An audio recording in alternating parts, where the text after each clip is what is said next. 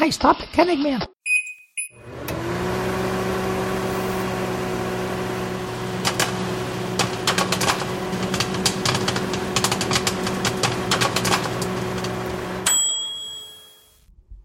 Så ser du sidder og, kigger sådan på mig. Jeg sidder og ryster på hovedet. Jeg synes, du er ondt med mig. Hmm, Jeg spørger bare, who let the dogs out? Jeg har været med dig i tygt og tyndt i alle de her Fort Niners år. Jeg har trøstet dig. Jeg har været der for dig. Og så... Så du... Du... Du... du Elmi, rolig, ved du hvad? Jeg har, jeg har faktisk jeg har plaster på såret. Øh, lige om lidt. Lige om lidt, så får du plaster på såret. Jeg, jeg, lo- jeg, jeg lover det. hvis, øh, hvis du ikke er interesseret i øh, amerikansk øh, fodbold, så er du gået forkert. Du lytter nemlig til NFL-showet, der er produceret af Kvartrup Media og optaget live on tape i samarbejde med Tafel og oddset på Danske Spil.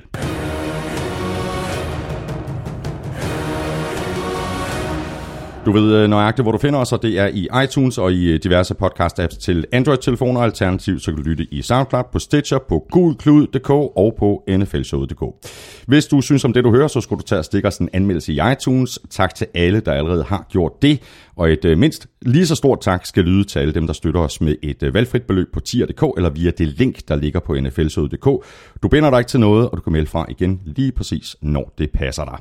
I dag der går vi øh, konferencefinalerne igennem og ser så småt frem mod øh, Super Bowl den øh, 4. februar, hvor du jo har øh, chancen for at vinde to billetter til Skandinaviens største Super Bowl fest i Cirkusbygningen i København.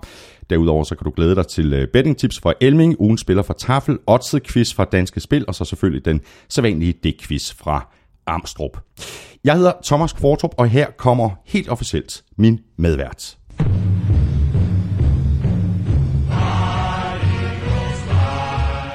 Velkommen til, Elming. ah, du bliver ved jo. Hvad sker der for det der?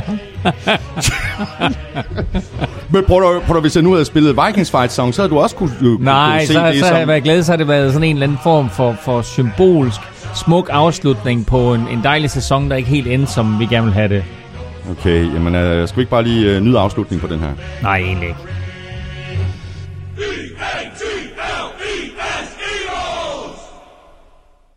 Og ved du, hvornår jeg sidst hørte det? Ja, tak. uh, fordi sidst jeg hørte det, E-A-G-L-E-S, Eagles, det var jo da jeg var i Los Angeles og så Rams mod Eagles, Ja. og Carson Wentz gik ned, Ja. og jeg så øh, desperationen, og jeg så ærgelsen, jeg så bitterheden, jeg så frygten i Eagles fans mm, øjne. Mm, De var klar over, nu er sæsonen færdig. ja. Alt det, vi havde håbet på, den Super Bowl, som vi skulle have været i, det kommer vi ikke nu. Men, Men det øh, gjorde de så alligevel. Eagles har vist sig som det bedste hold i NFC på tværs af alle tre enheder. Mm. Og så har de jo vist sig, og det vender vi tilbage til lidt senere, at at hente Nick Foles ind før den her sæson, det var En lille genistreg, en ikke? lille genistreg. Ja, præcis. Og så er det vel, øh, der skal vi vel klappe os selv lidt øh, på skulderen, fordi vi jo sagde ret tidligt, hvor vi kiggede på backup quarterbacks, at der havde vi faktisk mm. Foles liggende som nummer et på vores liste. Ja, jeg ved ikke, hvor vi fik det fra. Det var et, et, et øjebliks øh, øh, klogt, klogt, et klog tankegang fra, fra din og min side samtidig. Det er sjældent, det sker faktisk. Men lige den ene gang, der var den der. Havde vi ikke Garoppolo med der faktisk, og Foles som toer. Jo, det kan godt tror være, eller havde vi, eller var det... jeg tror, det var efter- sådan, var. Det det? Nå, okay. Øhm, skal vi have nogle tips?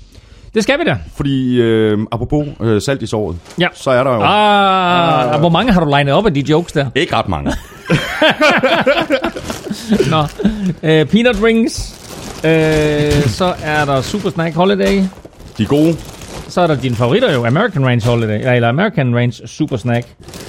Og så uh, Chili bearnaise. chili banase. Og så ligger så der ligger faktisk der en pose til dig. Ah, øh, men en fin, fin indpakket chili cheese rings med et lille flot bånd på. Ja, det er Øh, sort, øh, det er et sørgebånd. øh, Nå, det er et sørgebånd selvfølgelig. Okay. Pis.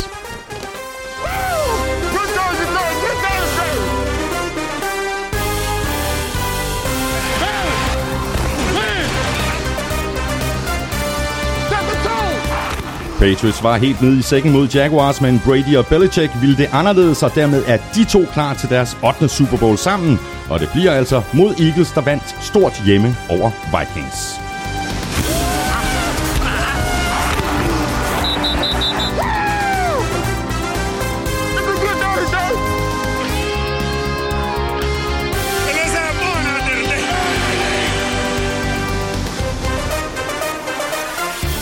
Vi går naturligvis de to konferencefinaler igennem, og så begynder vi så småt at se frem mod Super Bowl 52, der bliver spillet i Minnesota søndag den 4. februar. Det er crazy, at sæsonen snart er slut. Vi er med dig hele vejen. Jeg hedder Thomas Kvartrup, og med mig har jeg Claus Elming.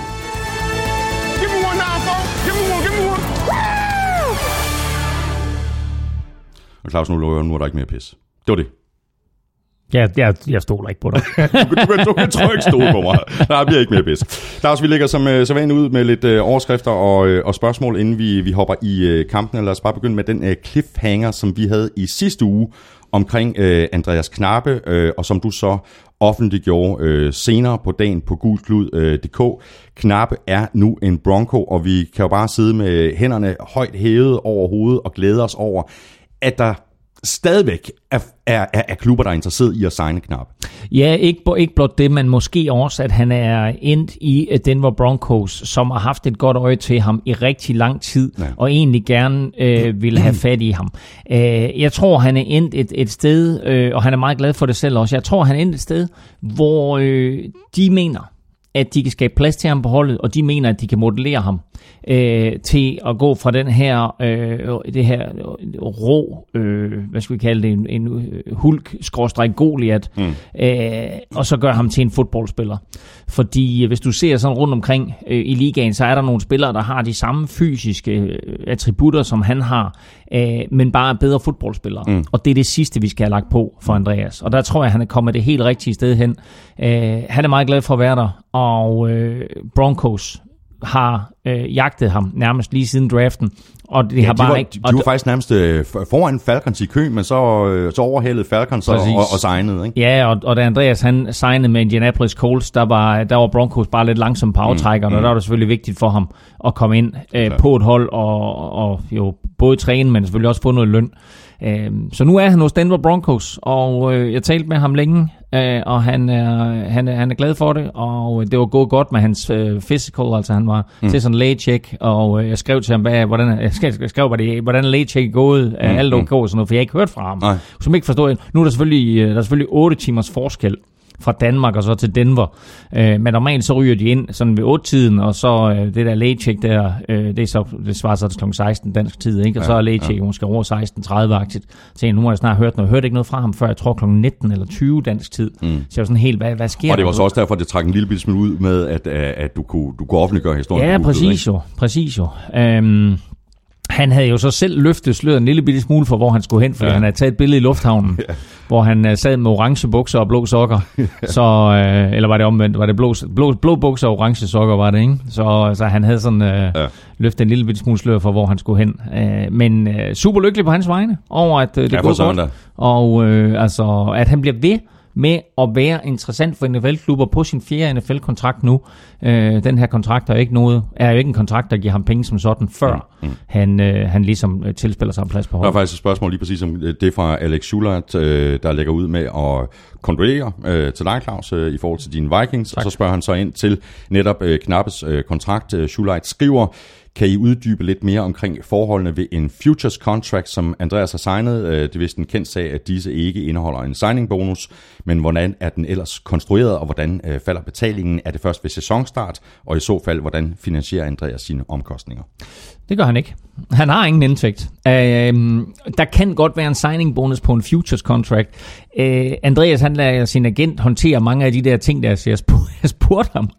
Så, men, er, er, er der en signing bonus på det? Så siger han, det ved jeg Nej, og, og, det er, og helt andet, og det er også et meget godt eksempel på, at Andreas han bare simpelthen går op i at blive signet. Præcis. Og så må vi bekymre os om ja, ja. det der med pengene på et senere tidspunkt, ikke? Jo, og, og ved du hvad, jeg havde også en aftale om at snakke med ham i går aftes, øh, og der var jeg simpelthen nødt til at gå i seng, der klokken blev 23.30, og jeg havde ikke hørt tilbage fra ham. Ja. Øh, og, og det lærer man med Andreas, fordi Andreas, når han først kommer ned i vækstcenteret, ikke? Altså, så tror jeg, at tiden den løber fra ham. Ikke? Så har han lige øh, et par hundrede kilo, der skal, der skal bænkes, og en 300-400 ja. kilo, der skal squattes og så videre. Så, øh, så det, han går så meget op i sin træning, og han fokuserer 100% på øh, at blive stærkere, blive bedre, og bare blive den bedste fodboldspiller, han kan blive. Øh, situationen, han er i nu med den her futures contract, det er, at han er tilknyttet Denver Broncos. Og det vil sige, øh, han er deres.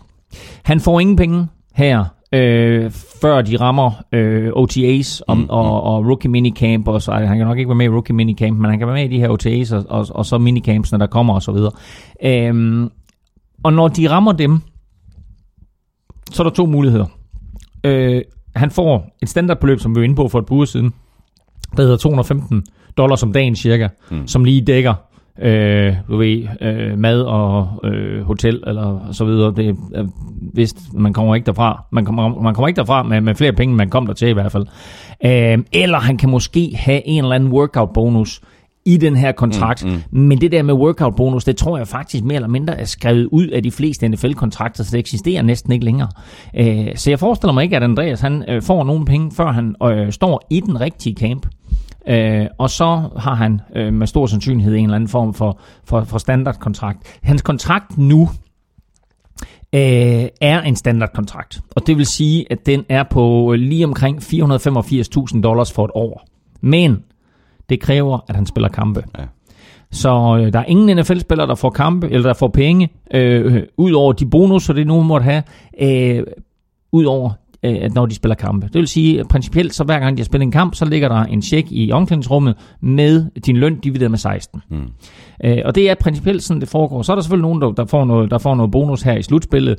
Øh, og man kan også sige, at spillerne her i slutspillet, det er ikke noget med Andreas at gøre, men bare lige for at runde det. Spillerne her i slutspillet er jo fattigt dårligt lønnet. Fordi lad os sige, at du får, øh, for at gøre det nemt, lad os bare sige, at du får 16 millioner dollars på et år. Så får du altså 1 million dollars per kamp, du spiller. I grundspillet. I grundspillet. Mm. Så kommer du i slutspillet. Der har du ingen løn fra klubben. Der har du løn fra NFL. Mm. Og det er altså sådan noget med øh, 32.000 dollars for wildcard-kampen, 48.000 dollars for divisional, 56.000 for, øh, for conference championships, og sådan 60-70.000 til det tabende hold fra Super Bowl, og 95-96.000 mm. til det vindende hold. Det er, det, og det er jo peanuts sammenlignet med den løn, du får normalt i grundspillet. Der er Andreas ikke endnu. ikke helt. Hvis han kommer ind i training camp, så får han det, der øh, minder omkring en practice squad løn, de her 7.200 dollars øh, om ugen. Mm. Øh, og det er, altså, det er klart, at det er med til at, at holde brød på bordet for ham, og der skal ja, meget ja. brød på bordet. øh, men det vigtige for ham, det er, at han kommer det næste skridt, og kommer væk fra practice squaden, exactly. og ind i den, den der 53-mands trup. Ja. Fordi så pludselig, så udløser det de her game checks. Så kan man så dividere øh, 485.000 med 16, og så se, hvor meget han får per uge. Ikke? Ja, og så er det heller ikke et helt tosset hold at, at havne på, altså Denver Broncos. Fordi altså, vinduet er jo stadigvæk åbent for Denver. Og man kan øh, sige det på en måde. Og, og hvis de øh, finder en løsning på deres øh, quarterback, så er det altså ikke det værste sted at Nej, men det, det vil sige, du ved, at hvis klarer han den ikke som offensive lineman, så kan han jo blive quarterback. han har størrelsen til det. Jeg ved ikke, jeg ved ikke hvor god en spiral han kaster. Nej, det er jeg ikke helt sikker på. Der er også uh, gode nyheder her uh, omkring uh, Andreas, men uh, det er jo ikke den eneste dansker, uh, som der er sådan en lille bitte smule uh, røre omkring. Nej, fordi uh, vi har også Simon Mathisen, kickeren, uh, som uh, har været i camp, uh, kan man vel kalde det, uh, sådan en, en, en, uh, en uh, gør sig bedre camp. Mm. Uh, Mike Husted, den tidligere NFL-kicker, har holdt en camp her i de forgangne dage uh, fra, uh, fra den 20. til den 23. januar i, uh, i Mobile, Alabama, mm. hvor der her i weekenden er det, der hedder Senior Bowl, øh, som er en Pro Bowl for college-spillere. Øhm, og øh, Simon har været i den her camp her, og øh, har gjort det godt. Og jeg glæder mig meget til lige at, at, at få snakket med ham og høre, hvad han, hvad han kom derfra med. Fordi det, der er vigtigt ved den her camp, det er selvfølgelig at vise sig frem øh, og gøre det godt. Men det er også, at der er altså repræsentanter fra næsten alle NFL-klubber. Og øh, der vil både han og, og hans agent jo lige have været ude og smide visitkort og sige, prøv at se her, ikke? Altså, se mine kickoffs, mm, mm. Ikke? se mine field goals, ja, se min onside kick. Ja. Simon har jo lavet en fantastisk video med sine onside kicks og en 4-5 forskellige varianter, han kan. Øh, og det er altså, øh, han, han, er, han er dygtig, og ligesom Andreas, han træner stenhårdt på at blive en bedre fodboldspiller, ja, ja. så træner Simon stenhårdt på at blive en bedre kicker i alle de aspekter, der nu er af at være kicker. Øh, så meget fortrøstningsfuld om, omkring Simon. Det her det er jo den første af tre camps, han skal til. Tre camps her i foråret. Han har en nu her, så har han en i februar, og så en i marts, hvor han viser sig frem for NFL-klubber. Øh, og vi så, hvad der skete på kickerpositionen i år. Uh, vi så, at Josh Lambo fra Jacksonville Jaguars var så tæt på at komme i Super Bowl, og han startede jo altså sæsonen med at blive kottet af San Diego Char- undskyld, Los Angeles Chargers. Uh, og San Diego, skråstrej Los Angeles, Chargers havde jo så store kickerproblemer, at de brugte fire forskellige år. Og som vi har nævnt et par gange, det drejer sig om at komme ind ja. i en del af det ja. der kicker-cirkus, der rejser rundt, og så er der en chance for, at Simon han kan få en kontrakt. Vi krydser så meget øh, fingre, og nu nævnte du øh, lige øh, Senior Bowl, øh, Claus. Øh,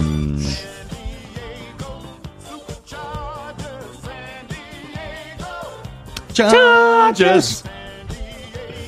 Vi talte også om det sidste år, ja. uh, Senior Bowl, uh, og vi kommer til at tale mere om det i næste uge, når ja. vi har spillet uh, ja. Senior Bowl. Ja. Fordi der er jo mange, der er mange interessante navne, og så er der også nogle navne, som man, selv om man følger med i college football, måske ikke er så bekendt med. Mm-hmm. Fordi mange af de helt store college-stjerner, de bliver jo væk fra den her kamp.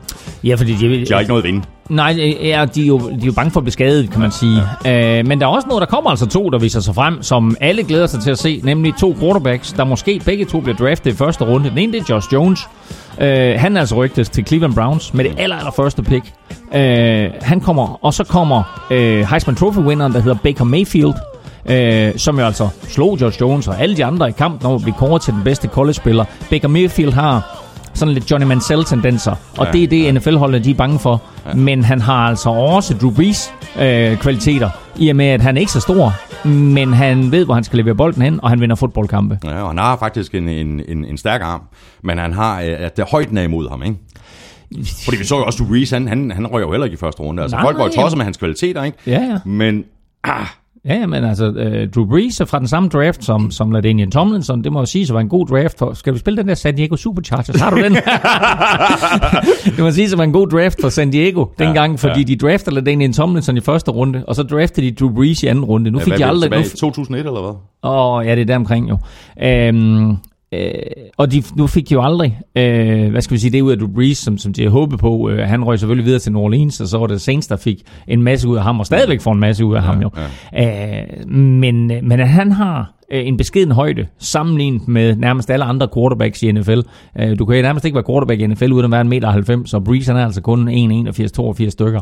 Øh, og det er det samme med Baker Mayfield, han er også omkring de der 1,82-83 stykker, øh, men har en stærk arm, og så har han den her evne til at vinde fodboldkampe. Og det skal man bare lægge mærke til, mm. det er jo næsten den vigtigste kvalitet i en quarterback, det er, kan du vinde fodboldkampe? Mm. Og det kan du Breeze, og det kan Baker Mayfield.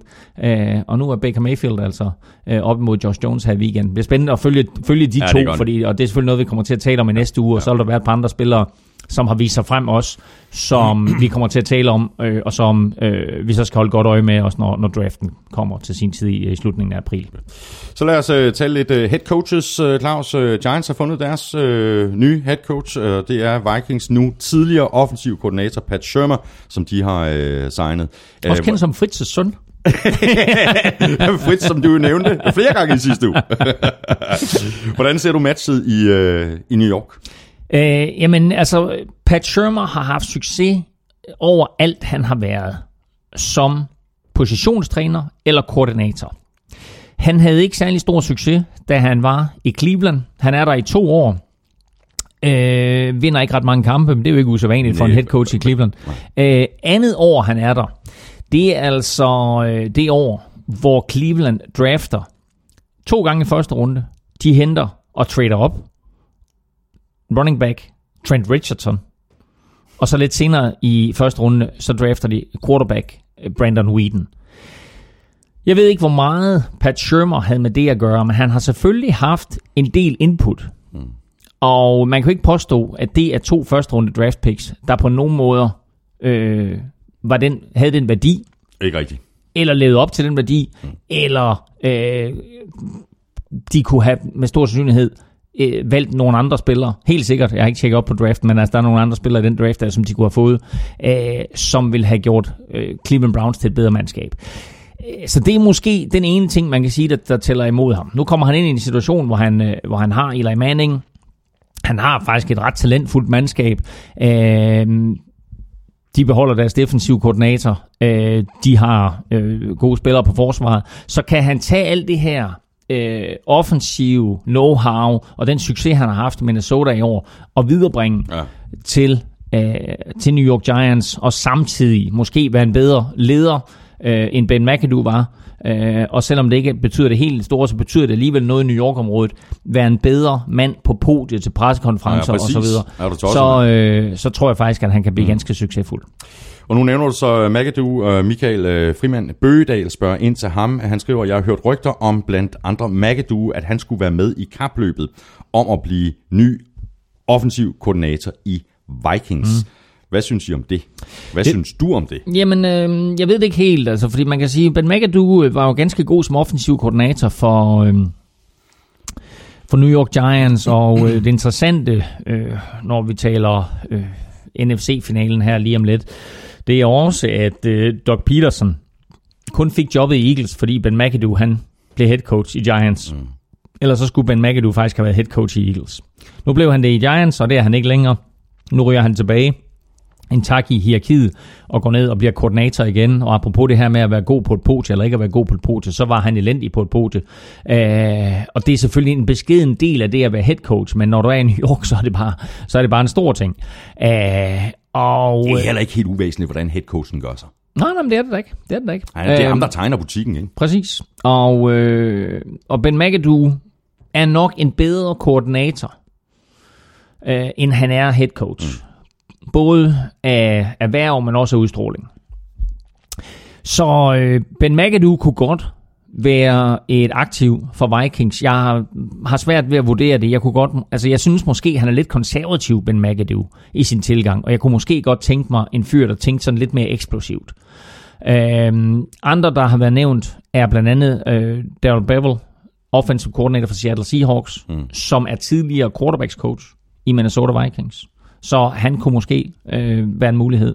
Øh, og der er sådan flere forskellige andre, som, som bliver nævnt. Mm. Øh, nu må vi se, øh, øh, de her klubber, der bliver slået ud, øh, de er jo lynhurtige som regel til et, selv at miste nogle trænere, som er Vikings tilfælde med Fritz's søn Pat, mm. øh, og to selvfølgelig forfylde de positioner, der nu skal gøres. Og det er jo fordelen, kan man sige, ved at ryge ud af grundspillet. Det er, du ved, har du nogle positioner, du skal skifte på, så kan du gøre det nærmest fra 1. januar. Ja, ja. Ryger du ud af wildcard-runden, så kan du gå i gang der med at søge din nye head coach, eller divisionsrunden som Tennessee Titans, ikke? Du ved, jamen altså, de ryger ud der, og straks, ikke? Jamen altså, så kan de så gå ud og hente Mike Rabel, som vi kommer til.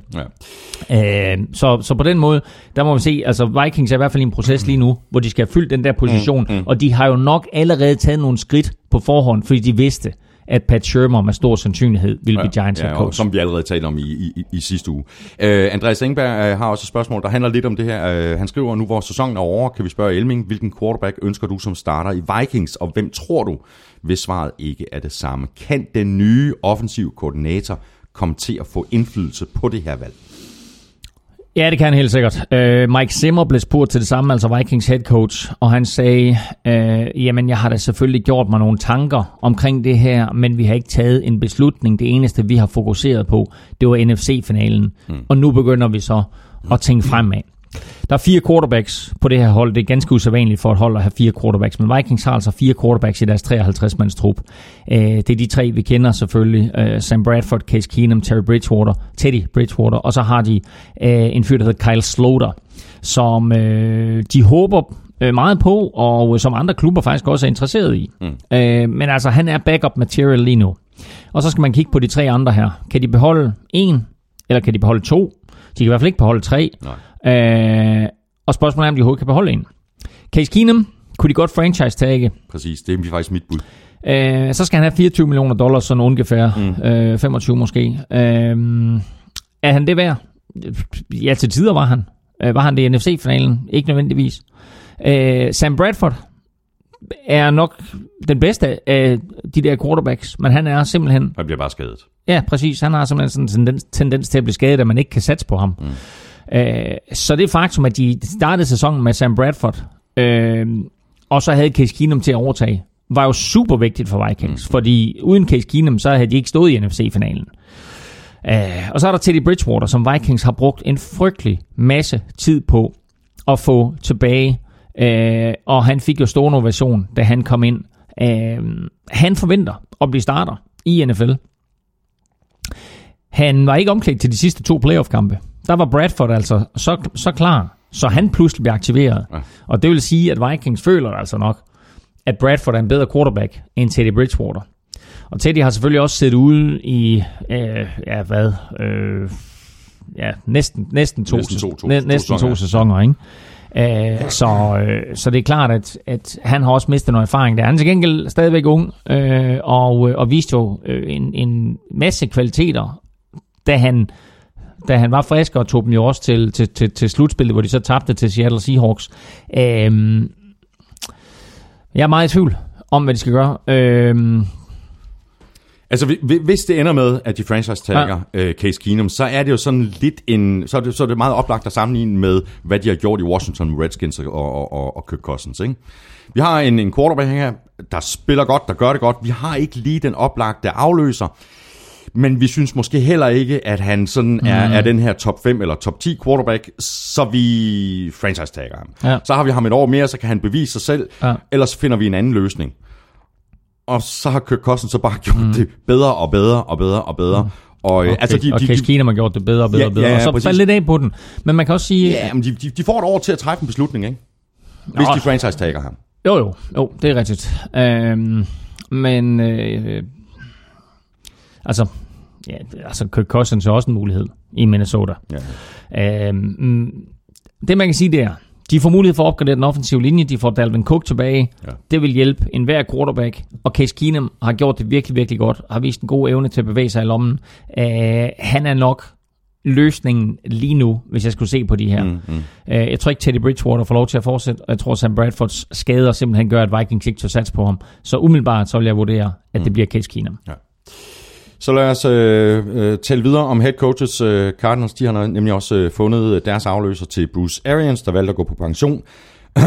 og valget det faldt på den øh, nu tidligere defensive koordinator for Panthers, Steve Wilkes. Og jeg må faktisk indrømme, Claus, jeg kender ikke så forfærdeligt meget til Wilkes. Jamen, jeg gør heller ikke. Og øh, da hans navn pludselig poppede op, øh, nu snakker vi om det her omrejsende kicker-cirkus, som vi ja. håber, at Simon Mathisen han bliver en del af. Der hvert år så er der også sådan en eller anden form for omrejsende coach-cirkus, ja. hvor pludselig så er der nogle navne, som kommer ind øh, i, i, i den her omrejsende gruppe af trænere, som så besøger diverse klubber. Og pludselig der var Steve Wilkes' navn med der, så tænkte jeg, det var da alligevel mærkeligt. Ja. Fordi jeg synes da ikke, at, at han på nogen måde har markeret sig som sådan en, en, en coach, man tænker, okay, han kan noget. Han har selvfølgelig haft øh, nogle virkelig, virkelig dygtige forsvar i ja, Carolina, ja, ja. men han har også bare haft nogle virkelig, virkelig dygtige spillere at gøre godt med. Ja, præcis. Øh, så altså, derfor vil jeg også sige, at en fyr som Matt Patricia i, i New England Patriots jo, på papiret jo er en lang, lang bedre træner, fordi han har haft et hav af no-names igennem tiden under Belichick, og stadigvæk fået de her mennesker til at performe på mm. et utrolig højt niveau. Uh, Steve Wilkes har trods alt haft Luke Kuechly og company uh, at lege med, og det gør bare tingene lidt nemmere. Ja. Men Wilkes er altså blevet ny head coach i Arizona, og jeg talte med en Cardinals-fan, uh, hvor jeg spurgte ham direkte til det her, og jeg siger, hvad, hvad, hvad går det ud på? Og så siger de, jamen det der er med Wilkes, det er, at han er he's a good leader of men. Ikke? Han er en god leder. Mm. Og det er måske det, de har behov for i Cardinals. Det er en, en, en fyr, der kan komme ind og lede den her trup her øh, fra øh, øverste niveau, og så uddelegere til de forskellige koordinatorer, positionstrænere, mm. Mm. og så selvfølgelig går de fra Bruce Arians, der, der, har, offensiv. der er offensiv-minded, ja. til Steve Wilkes, der er defensiv-minded. Øh, men hans første kval, Steve Wilkes, det er at finde ud af, hvad gør vi på quarterback? Ja, det er det. Men ser du en forskel øh, i den retning, som Cardinals øh, vil tage, i det, at de nu hyrer en defensivt orienteret head coach? Åh, oh, det ved jeg ikke. Øh, nej, jeg tror sådan, men bare, jeg tror, de har valgt øh, den, den bedste løsning. Jeg tror, de har valgt den mand, som de synes øh, var den bedste mand til posten, og så mm. tror jeg så man ikke, at de skælede så meget til, om han var offensiv minded eller defensiv minded, men der sker jo tit det, at man går fra en offensiv minded til en defensiv minded coach eller omvendt. Øh, så øh, man kan sige, øh, Giants har ikke gjort det. Giants har gået fra McAdoo til Pat Shermer, så offense til offense. Ja. Øh, men øh, andre klubber øh, kan, kan godt finde på at gøre det der. Man ser det tit, men altså, øh, der er masser af defensivt talent i Cardinals. Og det kan godt være, at de vil have Wilkes ind, fordi han har haft så stor succes med det defensive talent, han havde i Carolina. Og så sige, kan du ikke tage de her, og så modellere dem til øh, ørkenudgaven af mm. Carolina Panthers? Mm. Og så ved vi, at vi har nogle, nogle playmakers og lidt af hvert. Vi har en David Johnson stadigvæk, vi har en Larry Fitzgerald, vi ikke helt ved, hvor vi har. Men vi har trods alt nogle playmakers på offense, som vi så må se og forbedre via draften, via free agency. Og så øh, kan du give ham der Kirk Cousins et ring op i Washington, så får du lov til at hente ham. Yes, det vil da løse øh, det problem i hvert fald. I hvert fald midlertidigt. Ja, præcis. Og så har Titans øh, også fået ny head coach, øh, efter de fyrede Mike Mularkey i sidste uge. Øh, ny head coach er Texans nu tidligere defensive koordinator Mike Rabel, som du også nævnte lige før, Claus. Øh, det kan godt gå hen og blive interessant. Ja, og øh, jeg synes måske, det er en lille smule overraskende, fordi da, da, da Rabel pludselig bliver nævnt som en af de her coaches, der er interesse omkring, så tænker jeg, jamen hvorfor det? Ikke? Han har ikke haft den succes, som Steve Wilkes har haft. Ja, hans forsvar var ramt af skader, øh, og, og, og inden da, der var det jo et sublim forsvar, men det var da også fordi, de havde øh, J.J. Watt og Whitney Merciless og Jadavion Clowney mm. og Brian Cushing og you name it. Altså, det vælter jo med, med, med, med gode spillere der. Øh, så hvorfor han lige præcis skal være head coach. Øh, det har jeg svært ved at vurdere. Men jeg er, tror, vi, er vi ikke tilbage ved, ved det her med, at Rabel har en vis udstråling? Altså for, for Niners, de jagtede ham også for ja. nogle år siden. Ja. Øh, som head coach? Nej, som defensiv ja. koordinator, ja. hvor han var linebackers ja. coach. Altså så ja. han er vel ja. ret glad for ja. at træffe ja. den beslutning, sådan, som, som, som tingene er gået. Ja. Jeg hørte en, øh, jeg kan ikke huske, om det var, men jeg hørte en sige, at øh, han havde aldrig været i et rum, øh, hvor Mike Rabel ikke kom ind og overtog fra det øjeblik, han trådte ind ad døren. Præcis. Så Mike Rabel har den her aura omkring sig. Og det man så skal lægge mærke til, det er, at øh, John Robinson, øh, som nu er general manager i, i, i Titans, han har en fortid i New England Patriots. Og derfra, der kender han Mike Rabel. Mm. Så jeg tror, at det her det var et spørgsmål om, han sagde ham dernede. Ikke? Ja. Øh, det kan godt være, at han ikke er helt head coach material endnu, men vi kan tage ham ind, og så kan vi gøre ham til en virkelig, virkelig god head coach, mm, og give mm. ham chancen som det første hold. Uh, så nu, nu får han chancen, uh, Mike Rabel her, uh, for at, at sætte sit præg på, på Tennessee Titans. Uh, og uh, med det, og jeg vil lige sige også, jeg tror faktisk, at Robinson måske allerhelst ville have haft Josh McDaniels. Uh, ja. Men jeg tror, at den var øh, nærmest underskrevet den kontrakt mellem Hammer og Colts, altså Josh McDaniels og Colts, så nu bliver det Rabel i stedet for. Og McDaniels han vil godt have chancen for at arbejde sammen med en anden god quarterback. Andrew Locker, så må vi så se, hvordan, øh, hvordan han spiller, når han kommer tilbage. Præcis. Uh, men Rabel har været ude med, med, med de første ting ud, og uh, har decideret nærmest svinet den tidligere trænerstab til og sagt, vi skal ikke løbe bolden ind imod syv eller otte eller ni mand vi skal spille klogt. Mm. Ikke? Og det er da en sviner til Mike Mularkey har sagt, det der exotic smash mouse, det skal Claus Elming aldrig udsættes for at sige igen. og, øh, og noget andet, som han, øh, som han jo også har, har meldt ud, det er, at han kommer til at, at, at vælge hele sin stab selv. Så uh, der, altså, the, the collateral damage er sket, ikke? Dick LeBeau, han er, han er færdig. Øh, ja, efter, også... efter, efter 640 år i ligaen. Ja, præcis. Og hvad er han? 180 år gammel? Ja, sådan en Nej, jeg tror, han, han er 80. Men, han er 80. Og han har været i ligaen i... Siden 1959. Ja, det er helt vildt jo. Siden 1959? Ja. ja. Har han været en del af, af, af ligaen, ikke? Det er jo helt vildt. Ja, det er helt vildt. Det har været 57 år, 58 år. Øhm, det er jo, altså, ja, 59 er det vel. Øhm, men altså, han er en legende. Han er allerede i Hall of Fame.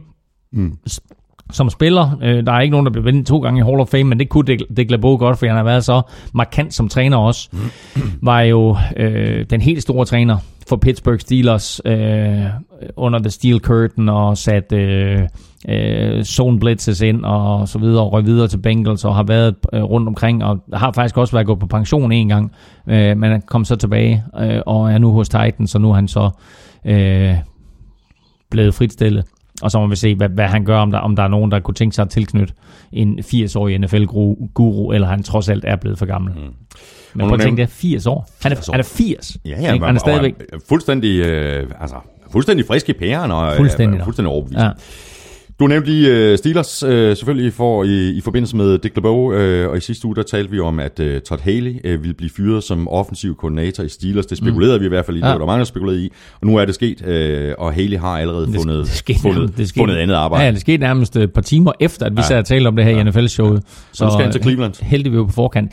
Altså, jeg tror ikke, kontrakten er underskrevet nu, men det er simpelthen så tæt på, så det er, jeg tror, at, at han ryger til Cleveland, og det synes jeg faktisk er et vanvittigt godt move. Det er det også. Uh, man skal lige lægge mærke til... Cleveland.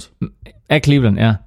Uh, man skal lige lægge mærke til, at uh, Steelers under Todd Haley er det næst mest scorende hold i den tid, han har været offensiv koordinator i NFL.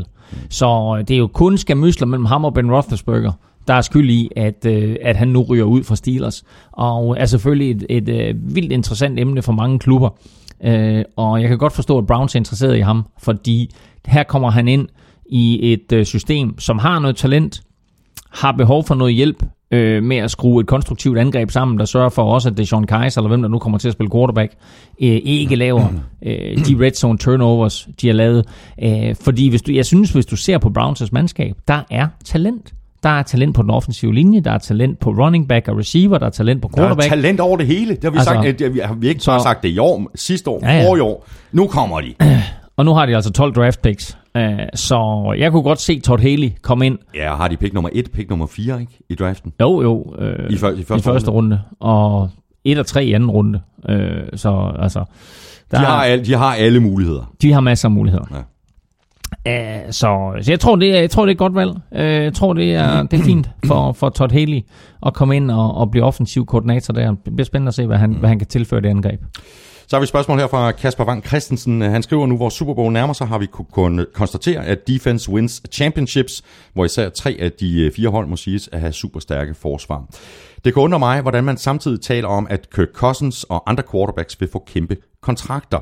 Ville det ikke være bedre for et hold øh, at spare de penge på quarterbacks og playmakers, og så i stedet investere mere i forsvar og O-line?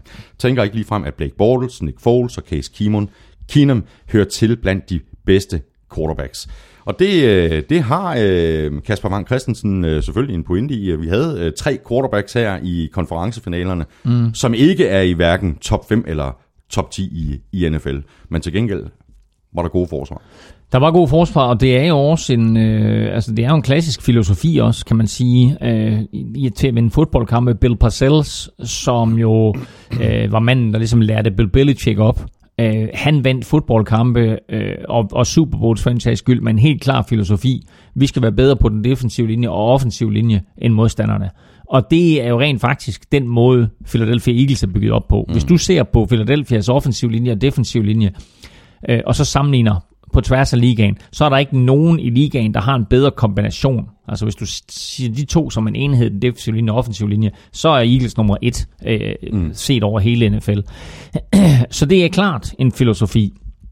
Og jo, øh, det vil da være, være smart at binde øh, penge i både den offensive linje og defensive linje, øh, men du skal bare have en quarterback. Og de hænger ikke på træerne. Og man kan sige, uh, Case Keenum og Nick Foles i NFC-finalen er jo selvfølgelig begge to backup quarterbacks. De starter jo bag Sam Bradford og Carson Wentz, men kommer ind og, uh, og, og gør det godt uh, og ryger hele vejen til NFC-finalen, og nu står den ene jo så i, i Super Bowl. Uh, mm, men det er jo stadigvæk et hold, Eagles, som havde været ubetinget NFL's bedste, hvis de har haft Carson Wentz som quarterback. Nu får vi jo så at se, om det bliver Patriots eller Eagles, men det er stadigvæk et vanvittigt godt mandskab, mm. øh, som de har fået bygget op i, i Philadelphia. Men så må man også bare konstatere, Lars, at hvis vi kigger tilbage på, på, på, på alle de hold, der har vundet Super Bowls, så er langt, langt de fleste af dem, der står med The Vince Lombardi Trophy til sidst, de har altså en klasse quarterback. Øh, ja, altså, eller et godt forsvar. Altså, vi har jo set gode forsvar vinde, ikke? Altså, øh, nu ved jeg godt, altså, der er mange, der vil sige, at, at Eli Manning er en god quarterback, og det har jeg da også selv advokeret for i mange år. Øh, men Giants vandt de to Super Bowls over Patriots på baggrund af et godt forsvar. Giants under Bill Parcells slog Buffalo Bills med et godt forsvar og en quarterback, der hed Jeff Hostetler. Baltimore Ravens vandt med Trent Dilfer og et godt forsvar. Øh, så altså, gode forsvar defense wins championships, mm. ikke? præcis som skrevet. Øh, så det er, øh, altså, det er vigtigt øh, at have gode forsvar, og hvis du kigger på dine Fort Niners, så talte alle jo om Joe Montana og Jerry Rice og ja, Roger og Craig. Og angrebet, men det var, forsvaret var på plads. Forsvaret, ja. forsvaret var rigtig, ja, rigtig godt. Ja. Så var lige en lille øh, sparet affære. Øh, Jets receiver Robbie Anderson, øh, der vel mere eller mindre fik sit gennembrud i år med lige knap 1000 yards og syv touchdowns og nogle fantastiske catches undervejs. Han blev anholdt i fredags for at have kørt rigtig meget for stærkt og have kørt over for rødt to gange, da han forsøgte at stikke af fra politiet. Og da han så blev stoppet, så skulle han angiveligt have truet øh, den ene af de her betjente med at finde betjentens kone og voldtage hende. Øhm, det kan ikke øh, undgå at få konsekvenser for den gode Robbie, øh, når 2018-sæsonen den, den øh, begynder. Hans advokat benægter jo, at øh, Robbie Anderson har sagt det her, og øh, så siger han, og jeg, nød, jeg, altså, jeg, jeg kan ikke lade være med at trække på smilebåndet, jeg ved godt, at det er bizart, men det her, det her det er altså sjovt. Hans advokat, som hedder Ed O'Donnell, siger, Robbie, Robbie stak ikke af. Det er bare sådan, at når en ung sort mand ser politiblink, så bliver han skræmt. Det- altså, prøv at forestille dig som advokat at bruge det argument. Ikke? Altså, du er Jo. simpelthen opdrager til, at når der, når der, Nå. når der er blink, når der er sådan en så kører politiblink der, stærkt. så, altså. Men øh, han, øh, han bliver arresteret, og det er 100% sikkert, at øh, øh, han får en eller anden form for karantæne. Hvis de her ting ikke er sagt, så slipper han med fire dage. Hvis en domstol vurderer, og hvis det er, det er på bånd, for det er det jo tit, med, Ja, med, ja. altså det amerikanske politi optager jo alt, så hvis det her det er på bånd, så kunne jeg godt forestille mig, at Robbie Anderson han sidder ude i lang tid. Ja. Altså et år, eller to måske. Ja. Fordi det der, det er sådan noget, som NFL overhovedet ikke gider. Nej, præcis. Nå, øh, Claus, øh, fra en øh, nedturshistorie til en opturshistorie. Nu skal vi nemlig have afsat øh, to billetter til Skandinaviens største Super Bowl fest i Cirkusbygningen i København den 4. februar. Først der skal vi lige omkring øh, spørgsmålet i sidste uge, hvor det jo var sådan, at øh, den, der først svarede rigtigt på øh, spørgsmålet på mail ville vinde de her to billetter. Og så, Elming, så var vi måske en lille bitte smule upræcis i formuleringen af det her spørgsmål. Vi har, vi har talt om det, og du ryster på hovedet, og du Ej. siger nej, nej. Men det er jo sådan, at, at i, når det handler om kommunikation, så er det altid afsenderen, der har ansvar. Ja, det er rigtigt. Og jeg kunne øh, konstatere på mailen, at øh, 9 ud af 10, der har svaret på det her, Ja. havde misforstået vores spørgsmål. det er da fordi, de ikke har hørt hele spørgsmålet. De spolet frem til der, hvor, spørg- hvor, hvor spørgsmålet var. Men Det skulle også gå stærkt jo. Det skulle hele, gå stærkt. Hele indledningen til spørgsmålet. Hvis man hører indledningen til spørgsmålet, så kan, så kan der ikke være tvivl om, hvad spørgsmålet går på. Jeg er enig. Jeg er enig, Claus, men, men vi bliver nødt til at bøje os. Vi, vi, Så hvad gør du? Jamen, det er jo det. Hvad gør jeg? Øhm, altså, vi skal måske lige sige, svaret, vi var ude efter, det var, super, det, var Super Bowl 51 i forhold til, hvornår det senest er sket, at, man, at en kamp er afsluttet på, på, på touchdown. Walk-off touchdown. Ja, præcis. Ja. Altså, og, og, det- og spørgsmålet lød jo nemlig på, at det var på, øh, altså ja, vi vi sagde, hvornår er den sidste kamp, der er afgjort på øh, et touchdown, øh, på det aller sidste play. Og I Havde, playoffs. I playoffs, og der havde vi ligesom udelukket Minnesotas kamp Ja, fra og, Saints det, og kamp. det er så det, som der er rigtig mange, 9 ud af 10, de skrev, haha, det er et trick question. Det er selvfølgelig Vikings Saints. Mm. Ja, det er rigtigt. Altså, det svar, vi var ude efter, det var James White i Super Bowl 51. Præcis. Nå, men ved du hvad, øhm, jeg besluttede mig for at godkende begge de her to svar. Så hvad så er der to gange to billetter? Yes. Ej, du er så gavmild. Ja, ja, sådan er jeg.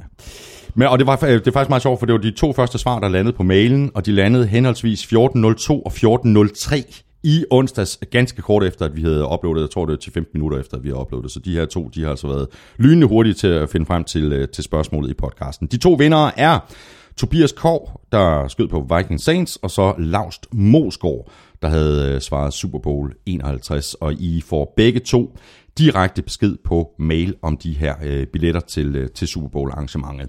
Dermed er vi nu oppe på øh, tre vinder, der altså alle sammen kan, kan tage en øh, kammerat eller deres kæreste med øh, til øh, NFL-shows bor i cirkusbygningen, og det betyder, at vi bare skal have fundet en vinder mere af to billetter til en værdi af samlet øh, 1600 kroner. Dørene de åbner 19.30. Du får en treretters menu. Der er konkurrencer, talkshow med Morten Andersen, som er med for at blive hyldet for sin optagelse i Hall of Fame. Og så er der interview med Andreas Knappe og optag til Super Bowl, der bliver vist på tre LED-storskærme. Det bliver kæmpestort, og værterne er Jimmy Bøjgaard og Claus Elming. Så skal vi have øh, den her uges øh, spørgsmål, øh, og vi gør det ligesom sidst. Den, der svarer rigtigt først på mail, snablag.nflshowet.dk, vinder de her to sidste billetter. Skriv Super Bowl Fest i emnelinjen. Claus, du har fundet på et helt forrygende spørgsmål. Ja, jeg ved ikke, om det er forrygende, men Jo, det, det er en sjov lille detalje. uh, Patriots meldte tirsdag ud, at de, øh, på trods af at de hjemmehold i Super Bowl, uh, at så stiller de op i deres hvide udebanetrøjer. Og hvorfor gør de det? Jamen det gør de, fordi de under Bill Belichick er 3-0 i Super Bowls, øh, når de spiller i hvidt, øh, mens de er 2-2 i blåt. Så han har altså valgt, at de skal spille i hvidt. Og derudover, så er 12 af de sidste 13 Super Bowls vundet Det er så vildt. af holdet i hvidt. Så spørgsmålet er, hvad var det sidste hold, der vandt i farvede trøjer? Hvem var det sidste hold, der vandt Super Bowl i farvede trøjer? Først til mølle på mailsnabla.nflshowet.dk Og hvis du i øvrigt ikke er så øh, heldig at vinde, jamen så skulle du tage at hoppe ind på ticketmaster.dk, hvor du kan købe billetter til arrangementet. Vi skal have quizzen. Åh, Det er tid til quiz. Quiz, quiz, quiz, quiz. Claus Elming, vil du, øh, vil du først? Mere quiz. Ja, ja, det er dejligt. Øhm, Chris Long og LeGarrette Blunt spiller for Philadelphia Eagles mm. og skal i Super Bowl. Yes. De kan blive vinder af Super Bowl for andet år i træk, Yes. men for to forskellige klubber. Ja. Fordi de spillede begge to for New England Patriots sidste år. Og jo, hvis det sker, Ja. så er det første gang, at to spillere vinder over det hold, som de vandt med året inden. Jeg kan mærke, at det her spørgsmål her, at du ved en hel del om det. Nej, nej, nej, nej, nej. Can't do it. Nå, fordi mit spørgsmål til dig går. Kun to andre spillere har spillet Ja. i Super Bowl året efter, at, øh, at de spillede, men for en anden klub. Mm, Hvilke to? Og jeg kan hjælpe dig så meget, mm. At de ikke, begge behøver, to... du behøver ikke hjælp. Du kan dem begge to? Nej, det tror jeg. Dammit! Nå, it. men så kan, så kan jeg, der sidder og lytter med derude, så kan I jo så tænke lidt over det. Og det, det hint, jeg ville have givet til Thomas, var, at de begge to havde spillet en af de Super Bowls for 49ers. Ja, præcis. Og den anden for Cowboys. Præcis. Ja. Nå, du skal ikke snydes.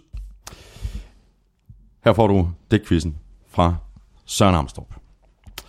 Minnesota Miracle, glemt. Minnesota Meltdown, slemt. Belichick fangede Coughlins intimideringssignal. Evident, at den mand bare er genial. Elming som ordsmed, kunne imponeret.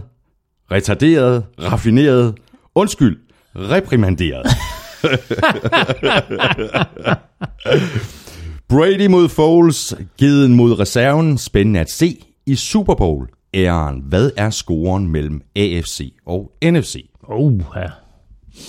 Øh, altså jeg vil sige, øh, det startede jo ud sådan, så NFC, eller den gamle NFL, halvdel dominerede. Mm. Så kom der en lang periode, hvor, øh, hvor AFL, AFC dominerede, så blev det NFC i mange, mange år. Mm. Altså, det var virkelig mange år, de vandt i Men træk. prøv, prøv at se, du- er i gang med at forklare, du er i gang med at svare. Ja. Du skal jo først svare til sidst. Jeg kommer ikke med svaret. Jeg forklarer bare. Men vil du have, vil du have, at der er nogle bonusspørgsmål også? Nå, der er bonusspørgsmål, ja. ja.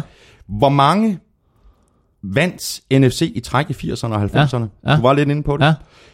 Bonusspørgsmål 2. Hvem brød AFC's forbandelse? Ja. Altså brød stimen for NFC-mandskaberne. Ja, okay. Godt. Så der er tre spørgsmål, du kan, du kan få tre point, tre flotte point. Ja, ja, okay. Jamen, øh, skønt. Altså, ja, godt. Fint. Super.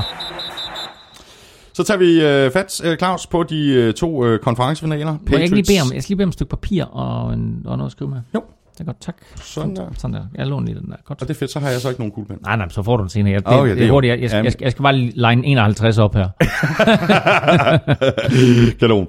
Jamen, øh, øh, Claus, øh, Patriots, de var faktisk mere eller mindre nede i, i sækken mod Jaguars, øh, men lavede så endnu et af deres Patriots comebacks i fjerde kvartal, og endte så med at, at, at vinde den her kamp med 24-20. Så er der så mange, øh, mange øh, jeg har set øh, på, på Twitter og alle mulige andre steder, der, der skriver, at de mener, at Patriots fik hjælp af dommerne, øh, og at det var derfor, at Patriots de, de endte med at vinde. Ja, altså det kan da godt være, at de havde lidt medvind på et par kald øh, Patriots, men var det derfor, de vandt den her kamp? Jeg vil sige, at en af grundene til, at de vandt den her kamp, var, at de ikke begik penalties. Fordi yes, altså, der var et par af de straffe, der blev kaldt imod Jaguars. Ja, okay, de er tvivlsomme. Men det væsentlige her, det er ikke dem, der bliver kaldt imod Jaguars. Det er det faktum, at Patriots spillere, når de kommer til det her punkt i sæsonen, mm. bare ikke begår fejl. De er så dygtige, de er så godt coachet, de er så gode atleter, så de laver de rigtige ting, og de gør dem inden for regelsættet. De er i position til, at de ikke bliver snydt, fordi tit, når der bliver kaldt en penalty, så er det jo fordi, du bliver snydt. En offensiv lineman bliver nødt til at lave en holding, eller en øh, defensive back bliver nødt til at lave pass interference, eller hvad det nu måtte være. Ja. Men altså, hvis du bare tager det sidste play, Stefan Gilmore har læst, hvad der skal ske, og kaster sig meget, meget atletisk tilbage og får vippet bolden væk Øh, Ja, det var på fjerde down til På- allersidst. på ja. fjerde down, Og i ikke? virkeligheden et, et udmærket kastebortels. Ja, altså havde den været en lille smule højere, så har han måske ikke nået den, Stefan Gilmore, men det vigtige her, det er, han bliver ikke tvunget til at lave pass interference, han bliver ikke tvunget til at lave holding. Han ved, hvad der kommer, og han øh, læser spillet perfekt og reagerer. Patriots laver én straf i den her kamp, og det er på special teams. Det er på et kickoff.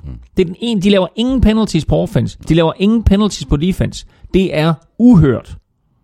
Og det har ikke en skid med dommerne at gøre.